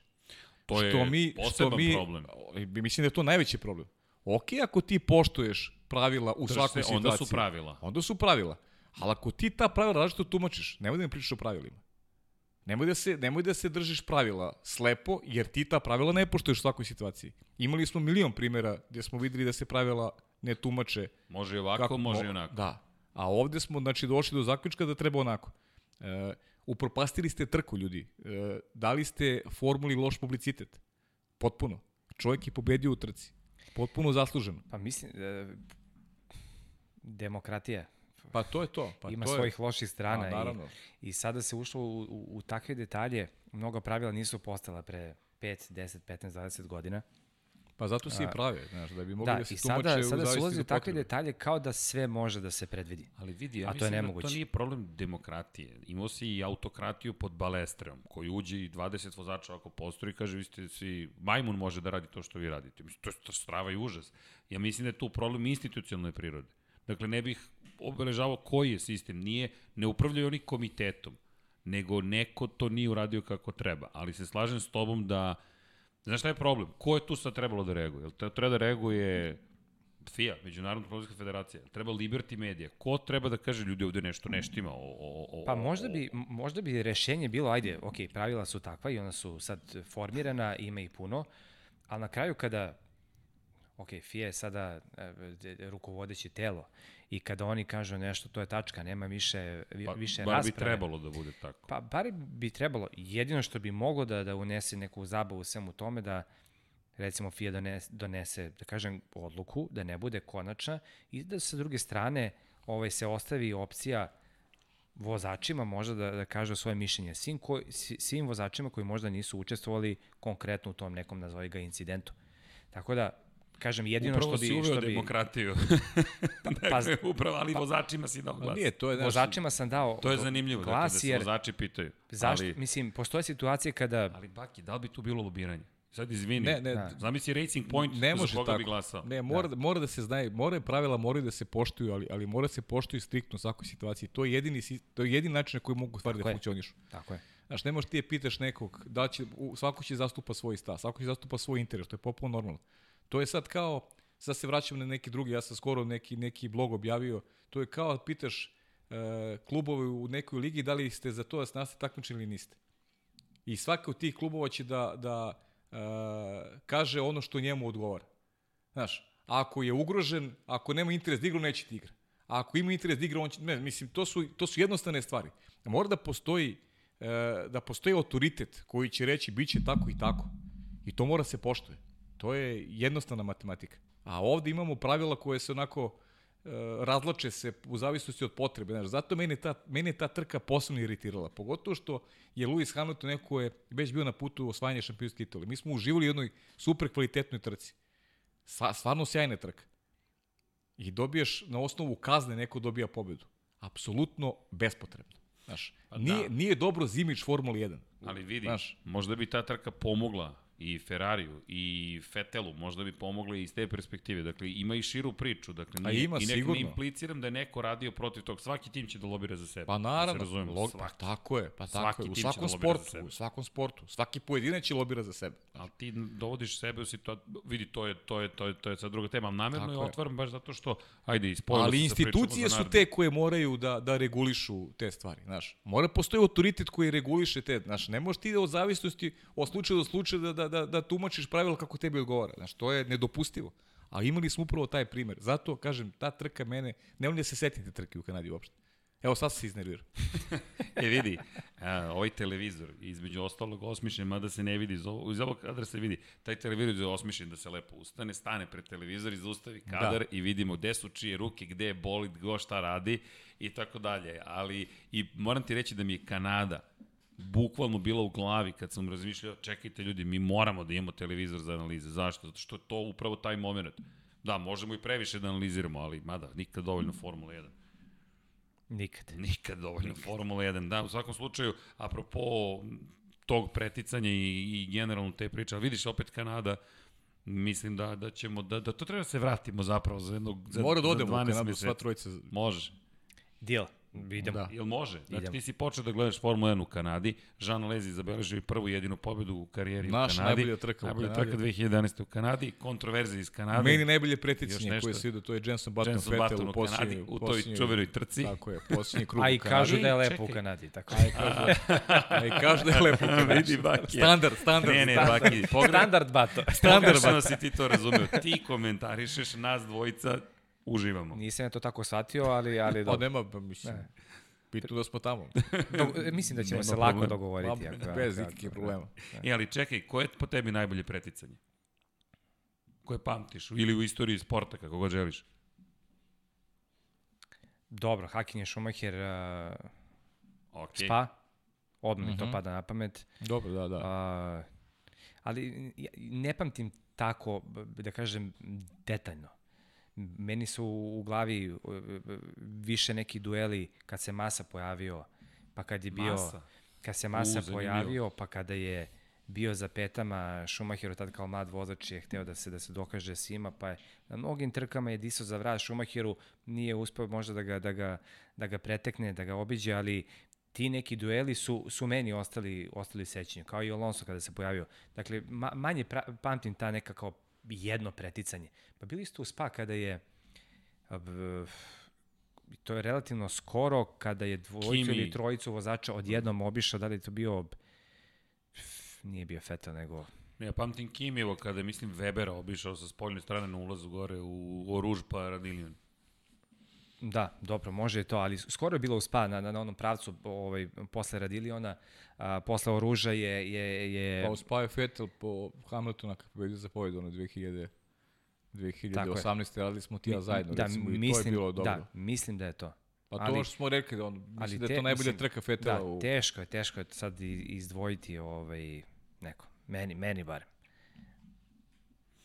Jedno od pitanja, izvinjam se, gledam ovde. Da li mislimo da je, da je previsoka cena karta od 200 evra, na primjer, za posetu trci Formula 1? Pa to je jedan od problema Formula 1. Dakle, Za, za standarde u Kanadi nije, za, za standarde nekim drugim sam zemljama to jeste. htio da kažem, da. Da. Pa da, ali, ali, ali tribine su prazne. Na, na, previše su puste. Dakle, Španija koja nekad, dok je Alonso vladao, vrvila prosto od, od navijača, ima 60-70 hiljada gledalaca, 80 možda, MotoGP ih ima 100 hiljada za tu istu trku, ok, mnogo više španskih vozača, ali je činjenica da, da mnoge staze, nažalost, ne rasprodaju svoje karte. Tako da to, do, dobro je pitanje, i ne samo po pitanju standarda. Na primjer, zanimljivo, Mađarska je uvek puna. Mislim, Uvijek je puno ali u Hungariji. mislim da tu cena nije, sad da li je nekome visoka ili nije, to je, Okay. to je diskutabilno. Ovo opet, evo, kaže, da li si iz Kanade ili iz Srbije. Nama će ovde biti to mnogo nepristupačnije nego nekome ko je u Kanadi, ali mislim da je pre svega da e, popularnost tam, samog sporta kroz neke is- istaknute, ovaj, u ovom slučaju vozače, koji imaju tu harizmu da nose sport na svojim leđima, kao što je Valentino Rossi, ovaj, ili kao što je bio Jordan ili Tiger Woods u golfu, u formuli u posljednje vreme Hamilton jeste fenomenalan, ali nije neko zbog koga bi ja počeo pratim Formulu 1. Nema mi, nema mi to ono nešto, nema mi tu harizmu, bar mi iz mog ugla gledano, opet to je samo moja perspektiva. Dakle, pre, pre, pre bih izabrao, ne znam ko u futbolu, meni na, jedan najboljih igrača svih vremena, izvini samo, Da, da, da. je Alvaro Recoba. Samo da se... On nije po, po statistici sigurno ne ulazi među 10 najboljih svih vremena, možda ni u 100, možda ajde, možda sam preterao, ali on je Ali za te mene privukao sportu. on je on je mene privukao sportu. Ok. To je to. Ali vidi, vidi sad ovo, ovaj test. Uh, Pavle je prešao 30 ja imam više od 40. Tako je. Ti imaš 33? Tako je. Ok, Vanja ima 23. Da li, ko je tebi heroj Formule 1 danas? Fetel. Dobro, okej. Fetel, evo, dobio i Zagreb. Pa, dakle, ali to je- fe, e, razumeš? To je sve, ovo To što sam Paja stalno priča, to Tako je. su neki novi klinci. Tako je, to je super. Moja perspektiva je potpuno drugačija, zato kažem moja. Da, Da, Naglasio sam moja. Eto, to, To, je to. to je meni zanimljivo. Ali znaš. zato imaš sad neki naš, Vanji je Fetel, ali neko mlađi od njega ili njegovi godište je Max Verstappen. Imaju, Tako. Imaju zašto da se vežu i kad je formula u pitanju. Znaš šta nedostaje? Nedostaje taj pravi takmičarski duh, to nedostaje, znaš.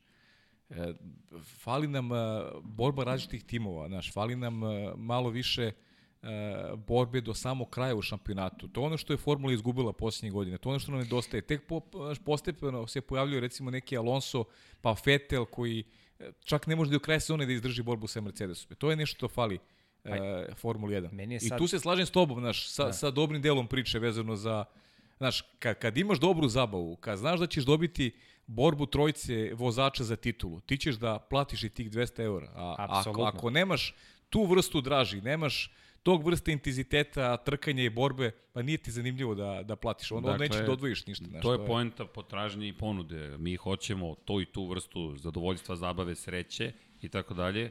Da, da vidim, e, Ivana, je to komunikacija za nas? Nije dobro, ali činjenica je da imamo, danas imamo, Vanja ne zameri, ti si fenomenalan u režiji, ali Ivana je Ivana.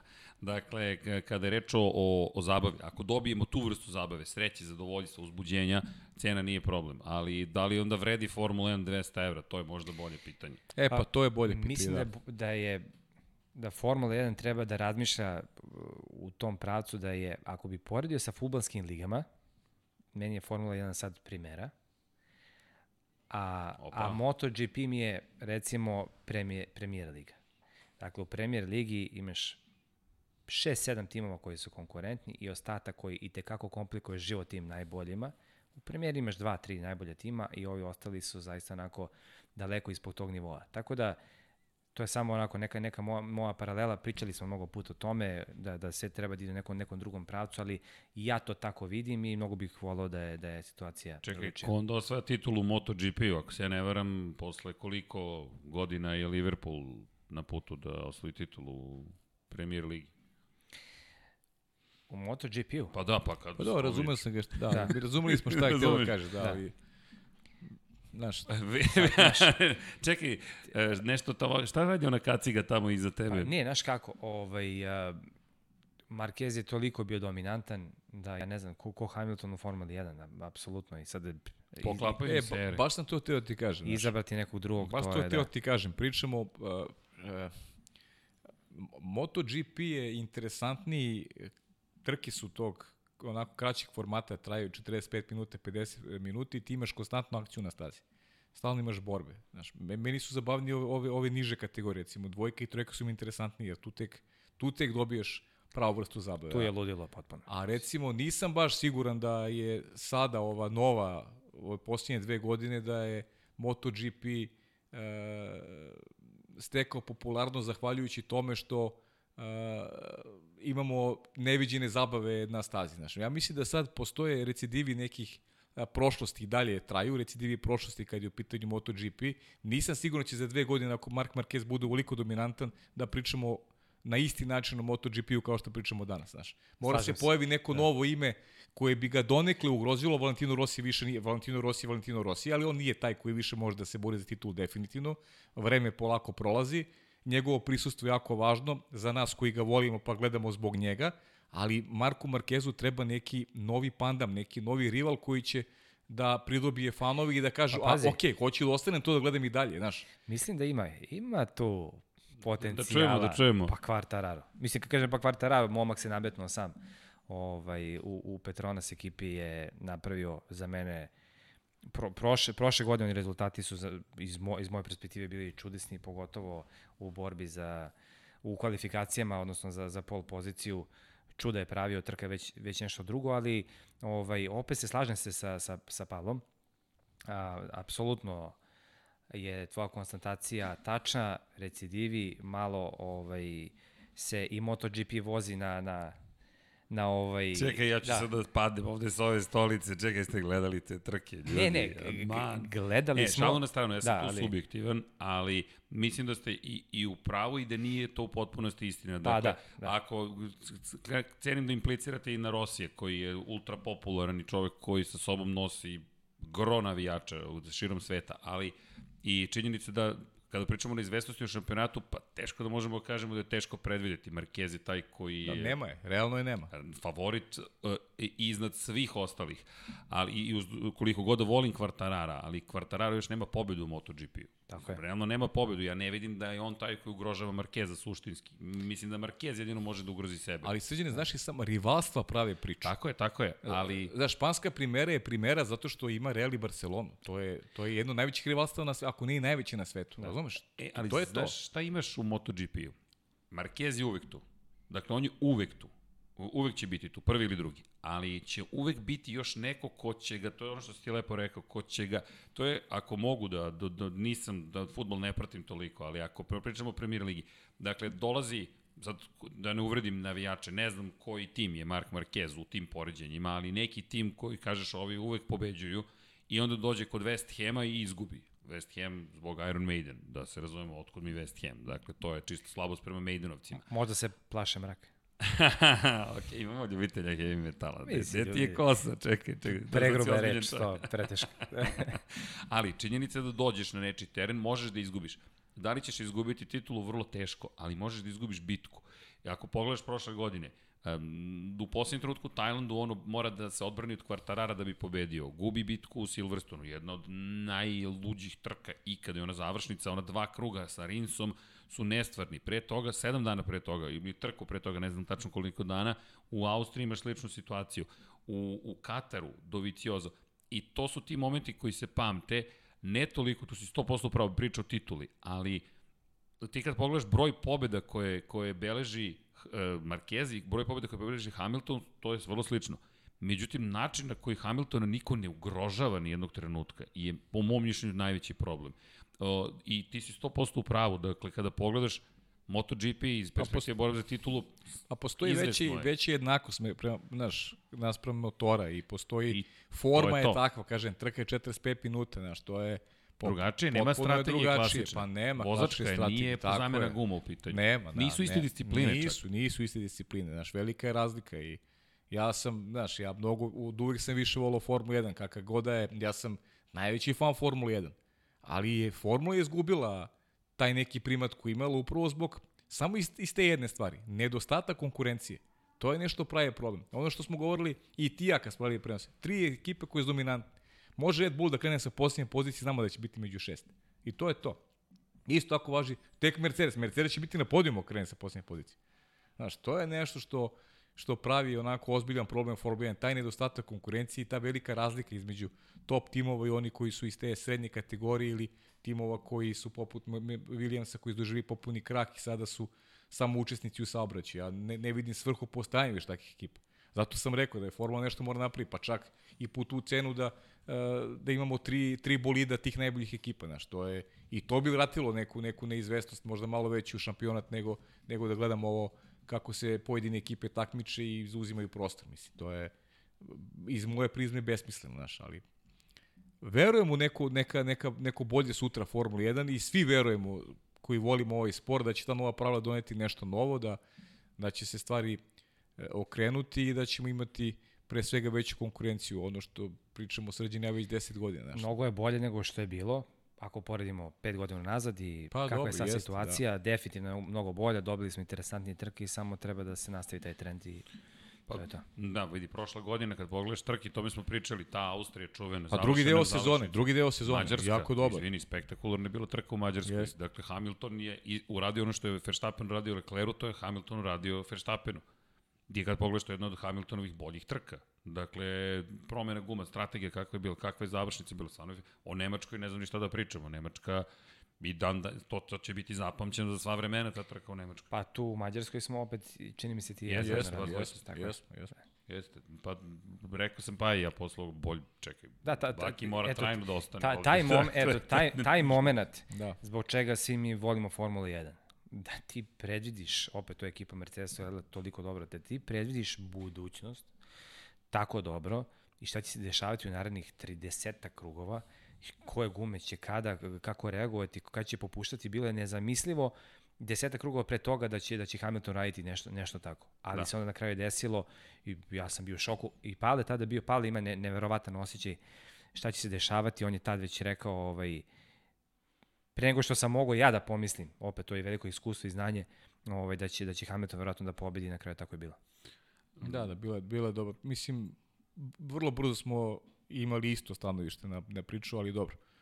E, išlo je u tom smeru, zaista ali ti si osetio specifična trka. Da, ti si osetio trenutak trka, i da. svaka ti čast na tome, zaista. Da, super je trka. Imamo ovde jedno pitanje, na primjer, da li ljubav za prema Formula 1 proizašla iz prema ljubavi prema sportu ili možda prema širem automobilizmu?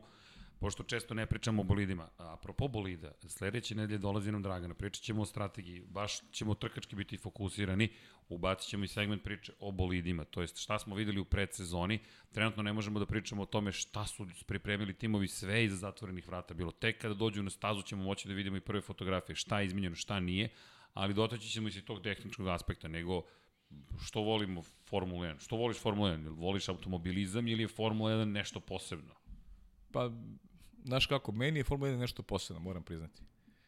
Volim automobilizam generalno, volim, ali Formula 1 mi je nešto posebno. Od uvek mi je bilo nešto posebno. I to je, znaš ono, kad, kad, kad u kući imaš ljude koji ono to gledaju i koji vole recimo Ayrtona Senu, ja sam zavolao Senu na kece što se kaže, znaš, to je meni je bio Sena Samo ti odgovara. Sve i svija, prosto mi je bio, znaš, neko ko je moj idol, neko ko je znaš, Sena. svaku trku sam čekao ono sa pažnjom Kaže ti pamtim taj Lotus crni jo. još.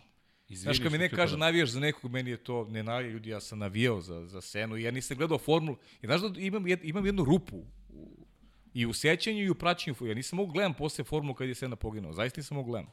Pa to te pa potpuno razumem, da. E, ovo je, ovo je album sa sličicama iz 1980. Ovo je poklon od Ivana. Dakle, Ivan, koji, momak koji će, nadam se, s nama raditi Kosmos, i nam je poklonio album iz 80. godine.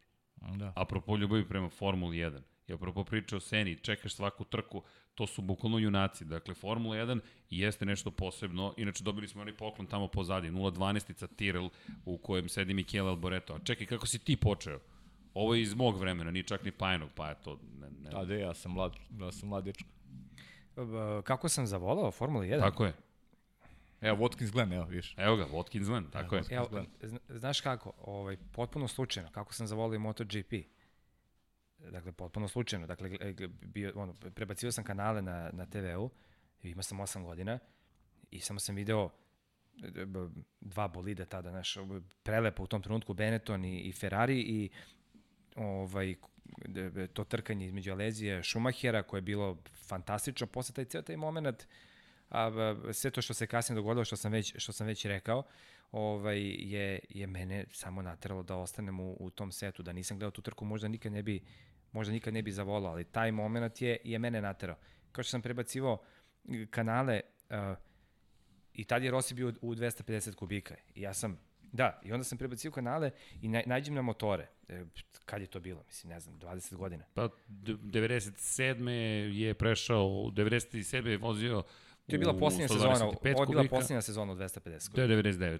Ok, eto, 99 ja prebacam kanale i, ovaj, i, i, i, i nađem na motore. Do tada ih nikad nisam gledao, niti sam nešto volao i ovaj, imao sam koliko, 12 godina. I sad ja prebacujem i sad preko, i nisam mogu da nađem ništa interesantno u tom trenutku na TV, toga se dobro sećam. I kao, ajde ove motore. I ja sad pustim ovaj, par krugova i vidim nekoga koji obilazi sve sa neke desete pozicije za tri kruga izbije na prvo mesto i vidim, a, Rossi. Ovaj, ok, ja prebacim, nisam mogao da trku do kraja. A, bilo mi nešto kao to, eto, interesantno. Posle mesec, dva, tri, ne znam koliko je prošlo, ja opet prebacam kanal, opet ne mogu da nađem ništa na TV-u, opet motori kao, e, dobro, ajde, pogledam, makar znam onog jednog Rosija, nemam pojma to, to trenutku ko je on, šta je on. Ovaj, I opet ga vidim, e, evo ga, da, to je taj, pazi, ubao sam istu kategoriju, 250 da, da, kubika. Da, slučajno sam ispratio čoveka koji ima rekorde u 125 pa kubika. Da, pa dobro, da, pa ali kad neko dominira, ko stalno pobeđuje... Pogreši centrala jednom, ali da. neće, šalim da. se, šalim se i... I onda pogledam, kao, evo ga ovaj Rossi, opet slična situacija, on naravno sedmi, osmi je u tom trenutku, loš start ka, kao i uvek u cijeloj karijeri i posle dva kruga on, on je prvi. I tad prvi put ogledam trku do kraja, Dobro, tad nije sport klub prenosio. ovaj, nije ta sport klub, tad je bilo na nekoj, na nekoj Inače drugoj bi odgledao i onu prvu. Da, Da. tad je bilo na nekoj drugoj televiziji, ali od tada sam krenuo da pratim i od tada pratim maltene svaku trku koju sam mogao da gledam. Ja sam gledao, on je već sledeće godine prešao 500 kubika, ovaj, kako je tada to bilo kategorisano ovaj, u to vreme i o- od tad sam naravno veliki, veliki ljubitelj motora. Vidim kacigu iza tebe. Ne, Čuli smo da imaš i nalepnice i da si u poteri za novim na dečijim kolicima. Da, be- bebina kolica davno imaju 46-icu, ovaj, sad sam ovaj, uzao skoro i električni trotinet, pa sad, baš sam te pitao za- da li imaš koju nalepnicu i da odmah to... negde imam, moram da potražim, ali... Da se odmah obeležim da ljudi znaju kad me vide na ulici da se skalone, jer neće imati šansu. Ok, imamo jednog člana posade ovde koji nas gleda preko monitora. Koji je u kontra koji priči, je u da. crvenim bojama, da, ima zanimljiv kišobran. Juče sam nosio taj kišobran i morali smo se krijemo, zamisli, da, ali sam imao žutu kabanicu. Tako da ne može nikada da se zna na koj, u kojem sam taboru. Ali ima, ima ovo direktno pitanje Dobro, za tebe si inače ne znam u kom si taboru, tako da nije loše. Hvala ti, Pajo. Nije, nije loše. ali, Bane, kad, da li si se obradovao što je Riki, Riki, Riki. Ne, nije Martin, nego Riki Ricardo. prešao u McLaren ili si se rastužio? Ima, ima, Chris ima utisak da Bane baš voli Rikija. Da, volim. Volim vozače koji su um, koji su takvi. A to znači da on svojom pojavom a, jednostavno samo a, te, te, on, on je od, od oni koji te na svoj način teraju da, da zavodiš Formula 1. On ima tu harizmu, ima vozačke sposobnosti, do sad se dokazao nebrano mnogo, mnogo puta kao vozač i kao timski kolega. A, zna da bude oštar, zna da, da, da propusti kada treba, kada proceni da to može bude na štetu ekipe, naravno i on pravi greške kao i, kao i svi oni, ali generalno Ricardo je zaista onako jedan kompletan vozač koji dalje nije iskoristio potencijal i ovo je možda, da kažem, poslednja prilika i on ulazi u te godine kada sad koliko će on moći u McLarenu, veliko je pitanje. Ja, ja sam navio za to da ga, da ga vidimo u Ferrariju i pre nego što je Sainz bio ovaj, i razmatran, nekako sam navio kao i mnogi da bi dobili, da bi dobili to nešto novo. Ali evo baš i Chris kaže Ferrari ga očigledno ne želi. Mer- Mercedes vidi svoju budućnost sa Russellom, Red Bull se vratiti neće. Nema mnogo opcija trenutno. Pa nema, to jeste onako za njega jedna jedna situacija gde, gde ne, nema nazad. E sad ovaj kako će se naći McLarenu, vidjet ćemo. McLaren je počeo naravno sa Hondom mnogo, mnogo bolje se rađuje nego što je to bio slučaj pre, ovaj, tako da e, na neki način se radujem tome, sad koliko će on moći, koliko će bolid biti dobar, to je to je veliko pitanje. Apropo, apropo bolida, dakle, oni su, kada, kada su otišli uh, u Renault, dakle, poznaje motor, samo da Sa podsjetim- Renault, misliš? Sa Renault. Sa Renault, ne, sa, sa Renault da se rađuje. Da. McLaren, da. A sledeći, Honda, ali da, nema ne, veze. A to šta ti je sledeći- McLaren Honda? Sledeće godine Da. već... Šta ti je McLaren da, Honda? Sa, uskoro kreće i Mercedes, Ali- tako Odnosno da, sad, sad sa Renaultom. sa Renaultom, da. Tako, da, A oni su ali- propustili tu šansu sa Honda, to je generalno, Ali- to je moj stav. Pa ne, ne, ne, izvini, vratio se samo malo, malo više unazad. Da, da. ovaj, da. Razumeli smo te Da, završeno. To, to ali, je dobro. Ako su, su ste me razumeli. To Ali, da, ne, ne, ali pazi šta, šta, šta je sad tu situacija. On poznaje Renault i naredne godine, međutim, dolazi Mercedes. McLaren, to je jedno od pitanja, dakle, šta mislimo o tome što će biti praktično kažnjen dodatno, jer plan je bio od naredne godine idu nova pravila i sa Mercedesom ti trebalo da uđu u novu eru Formula 1.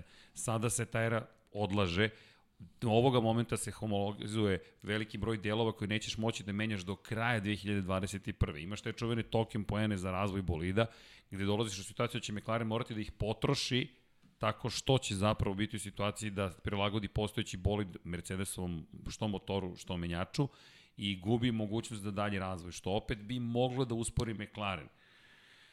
E, Ricardo dolazi u ovom momentu, ali McLaren Mercedes dobro zvuči ako ništa drugo. Da, nego kad čujem reći token i Formula 1 i sve to, meni onako dođe mi da, da okrenem glavu. Ali Znaš šta, ako, ako to me je sad deo pitaš, stvarnosti Da, naše. to je deo stvarnosti. Ako me pitaš šta bi birao da sad ovu eru sa ovim hibridima, i ako sam, ako da kažem, i zagovornik i ekologije i, i te budućnosti koja nas čeka i baterija i tih električnih uh, spravica koje nas prevoze tačke A, tačke B, izabrao i pre onu, pre onu eru ovaj, kada su bacili motore posle kvalifikacije izlače maksimum. Ovaj, ako, Vrlo ako, ekološkim, ako, bi, ako smem da primetim. Jest, da, ali ako me pitaš šta bi izabrao, to je okay, meni Formula 1. To je emotivno to stanje, je meni, To je meni ovaj, maksimalne performanse, zbog toga smo zavolili Formula 1, ovaj, sad ovo kad čujem ti to Kenny, to, to mi malo, da, ne prije. Ali to je deo stvarnosti u kojoj se nalazimo. Vidi se, pa, pa inu facu. Pa dobro, ne, ja, ja, ja sad razmišljam, ja sad razmišljam o McLarenu, znaš, mislim, to je, meni je McLaren promašio temu. Nakon Ali Honda konstantno maši naš, temu. Znaš, sada sa Mercedesom, ti pored fabričkog tima, treba da se nadaš da možeš da, da pronađeš neka rešenja koja mogu da te stave negde ono, na pijedestal Formula 1, što je potpuno nestvarno. Tamo gde pripada realno McLaren, on mora se bore za titulu, znaš, to izgubili su mnogo godina ovaj, kada pričamo o nekom ozbiljnijem angažmanu, kada pričamo o nekom i stvaralačkom elanu i tako dalje i tako dalje i e, sada opet zavise od, od neke milostinje velikih proizvođača. Naš.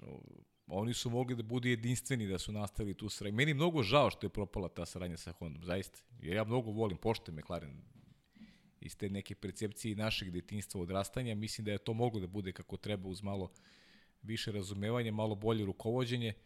E, ne verujem da će McLaren u skorije vreme opet biti tim kome ćemo pričati Pazi. o superlativima i zato mislim da ta, ta, taj potez Daniel Ricard ja ga ne odobravam, iskreno ti kažem.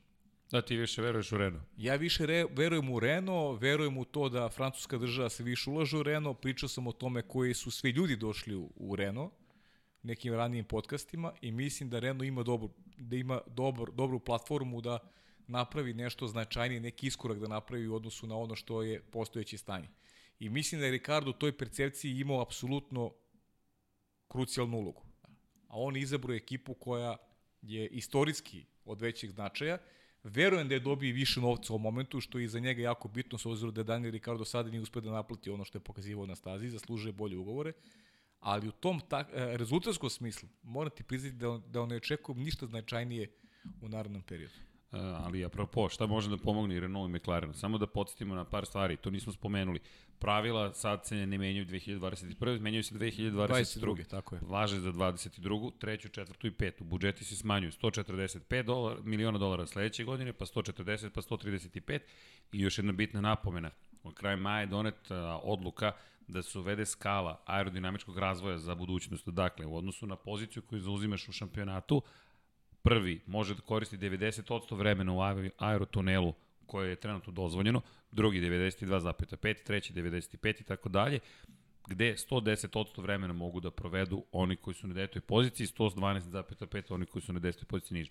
To može da omogući McLarenu i Renault, dakle ta, taj, ta, to više vremena provedeno u aerotunelu da smanji aerodinamičke razlike u odnosu na verovatno Mercedes, Ferrari i Red Bull, tako da rade na tome. A od 2022. pazite sad ovu skalu, 70% vremena će smeti pobe, po, osvajač titulu u šampionatu konstruktora, 75. drugo plasirani, 83. plasirani, 100% sme sedmo plasirani tim. Dakle, pokušavaju na taj način da uvedu neku vrstu ograničenja jakim timovima. To je tehnički aspekt, ne dotičemo ih se toliko, ali ćemo ih doticati sve više, ali eto, to je neka šansa možda za te timove. Prerano je da bilo šta komentarišemo, naravno, naravno, ali naravno. čisto pričamo šta Formula 1 radi, I, I McLaren, zanimljivo mnogo pitanja za McLaren. Jedno od pitanja je da li McLaren može da razvije svoj motor. Ljudi, to je toliko preskupo. Jeste. Pa... Honda je pola milijarde dolara razvila da bi, iz, da bi stavila prvi motor na 100 da ga testira. Pola milijarde dolara. McLaren nema te kapacitete. Zašto je ovo postao tim fabričkih, praktično fabrika, no, šampionat fabrika, baš zbog toga hibridi su preskupi, a prva sledeća promjena motora je 2026. Posle ove promjene 2022. I Ross Brown, šef Formula 1, rekao neće biti novih proizvođača do 2026.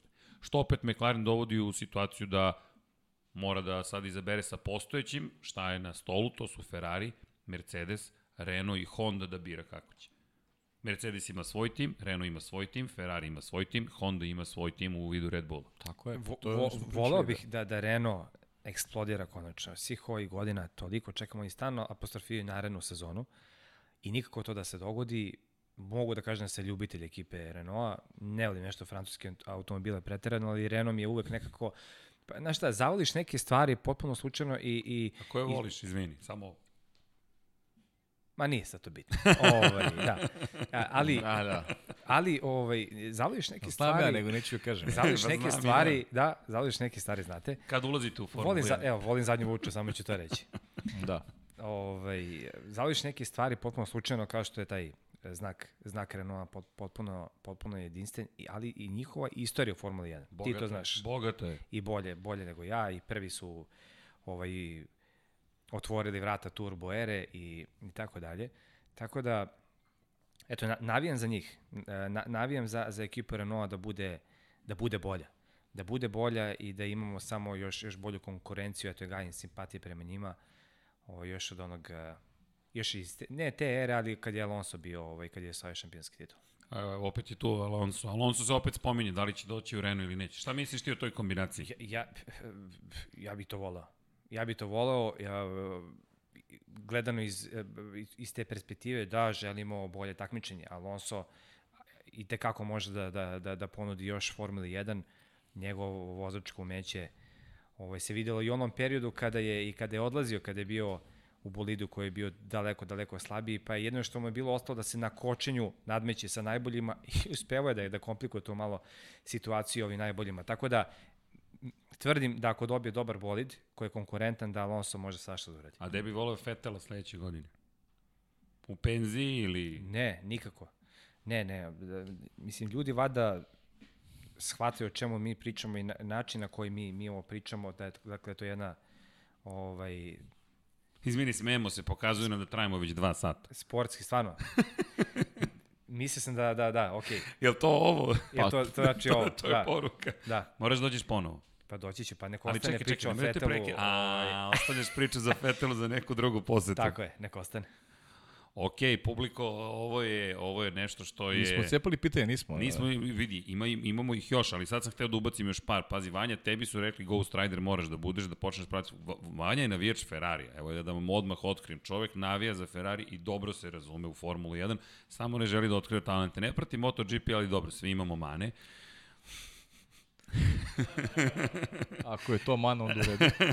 da, I, ali evo ti jedno zanimljivo pitanje. Da li Aston Martin, sadašnji Racing Point, apropo malih, manjih ekipa, može da bude veliki i ozbiljan tim sa dodatnim budžetima i sa izjednačavanjem budžeta? Volio bih da, da znam odgovor na to pitanje. Da, to, to niko ne zna, ali ajde da se nadamo. Nadamo se, pa jedino nada, ništa više. Da, ali uh, imamo još puno pitanja, pokušat ćemo da stignemo. E da, ovo mislim da je važno. I, izvini, samo da se na, na, nadovežem na to. Dakle, sve te ekipe koje, e, koje koriste motore drugih proizvo, proizvođača, dakle, ok, Mercedes ima svoje motore, Ferrari svoje, tako dalje, Renault svoje, ali sve ove ostale ekipe, dok ne naprave svoj motor, mislim da neće imati šansu. Znači, čekamo 2026. Tako I da ponovim kada se vraćate u Formulu 1.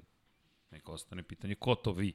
Ali dobro, da, inače postoji mogućnost da se dodrže dve trke u Bahreinu, ali različite konfiguracije staze i pa čak i ovalne. I sad to je pitanje šta mislimo o tome, dakle, o različitim konfiguracijama iste staze. Ja mislim da to super ideja, iskreno.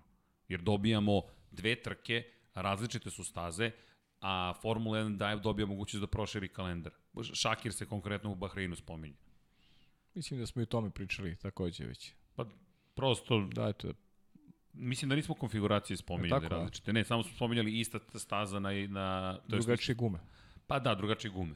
Ali ova promjena konfiguracije, ja mislim da bi bilo super. Da, može, Oval može, može bude dobro. nije da. mi za Formulu 1. Ma kakav oval? Ma ne, ali ovo, ovo nije staza, rešenje, ne, ovo nije rešenje. Treba Da. da. probati, treba probati definitivno. To bi bilo, da, ovo je zanimljiva sezona, može da bude dosta eksperimentisanja koje kasnije mogu da se iskoriste, ali, pošto e, imamo još jednu poruku sam dobio, e, da iskoristim da se zahvalim. Studio na kraju univerzuma.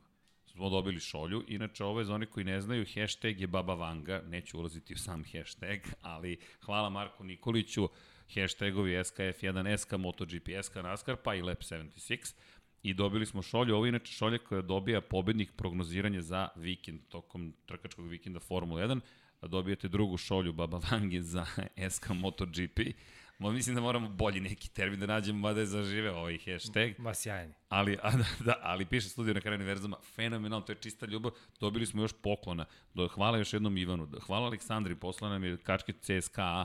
Dakle, dobili smo od Pavla Stašića žene u nasi, Lego, kockice, potpuna ludnica i I, i, i mi smo, ja, ja moram da iznesem tu emociju, potpuno oduševljeni i pozivamo da nastavite da, da, da se družite sa nama. Pozivam da nastavite da nam poklanjate. Ne, ne. ok, shamelessly, tražimo šolje. Za... I da, i dobit ćemo i kačkete. Ako sam dobro shvatio, Markezov kačket. Dakle, evo gledam Ivanu. Dakle, ne, da šalju nam, i, i, dakle, kačkete, dakle, ne, ne, ne tražimo da šaljete, nego samo je lepo što ljudi dela emociju sa nama. A ne zamerite ako na nešto nismo odgovorili, sigurno nešto. Dejanu Andriću dugujemo traktat, ceo čovjek je napisao ozbiljne analize i ne samo on. Ima ovde još jedna analiza o vozačima, ali sad moramo da stanemo, u suprotnom ćemo tri sata da trajemo. Dobro, samo bi ja dodao jednu stvar. Molim te.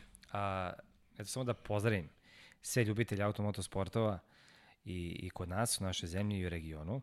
A, hvala što nas pratite i hvala što su bili ovaj, vrlo onako, a, da kažem, prijatni prema jednom Novajliji za mikrofonom u tom smislu, to sam, to sam ja, tako da nekako su me ljudi lepo prihvatili i hvala im na tome, a, jer znam da ti komentari sigurno nisu bili na vašem nivou, gospodine Erceg, ovaj, nisu, nisu, bili, nisu bili perfektni, ali su ljudi prepoznali da se neko pridružio ko zaista voli, voli ovaj sport, tako da hvala celoj F, F, SKF1 zajednici, da, sad sam dobro rekao. A ti si radio fenomenalan posao. Hvala tebi na ovim indirektnim i direktnim komplimentima, ali ne, Bane, fenomenalno. I da ti ne govorim to što zaista svaki put kad uđeš u kabinu je neverovatna trka.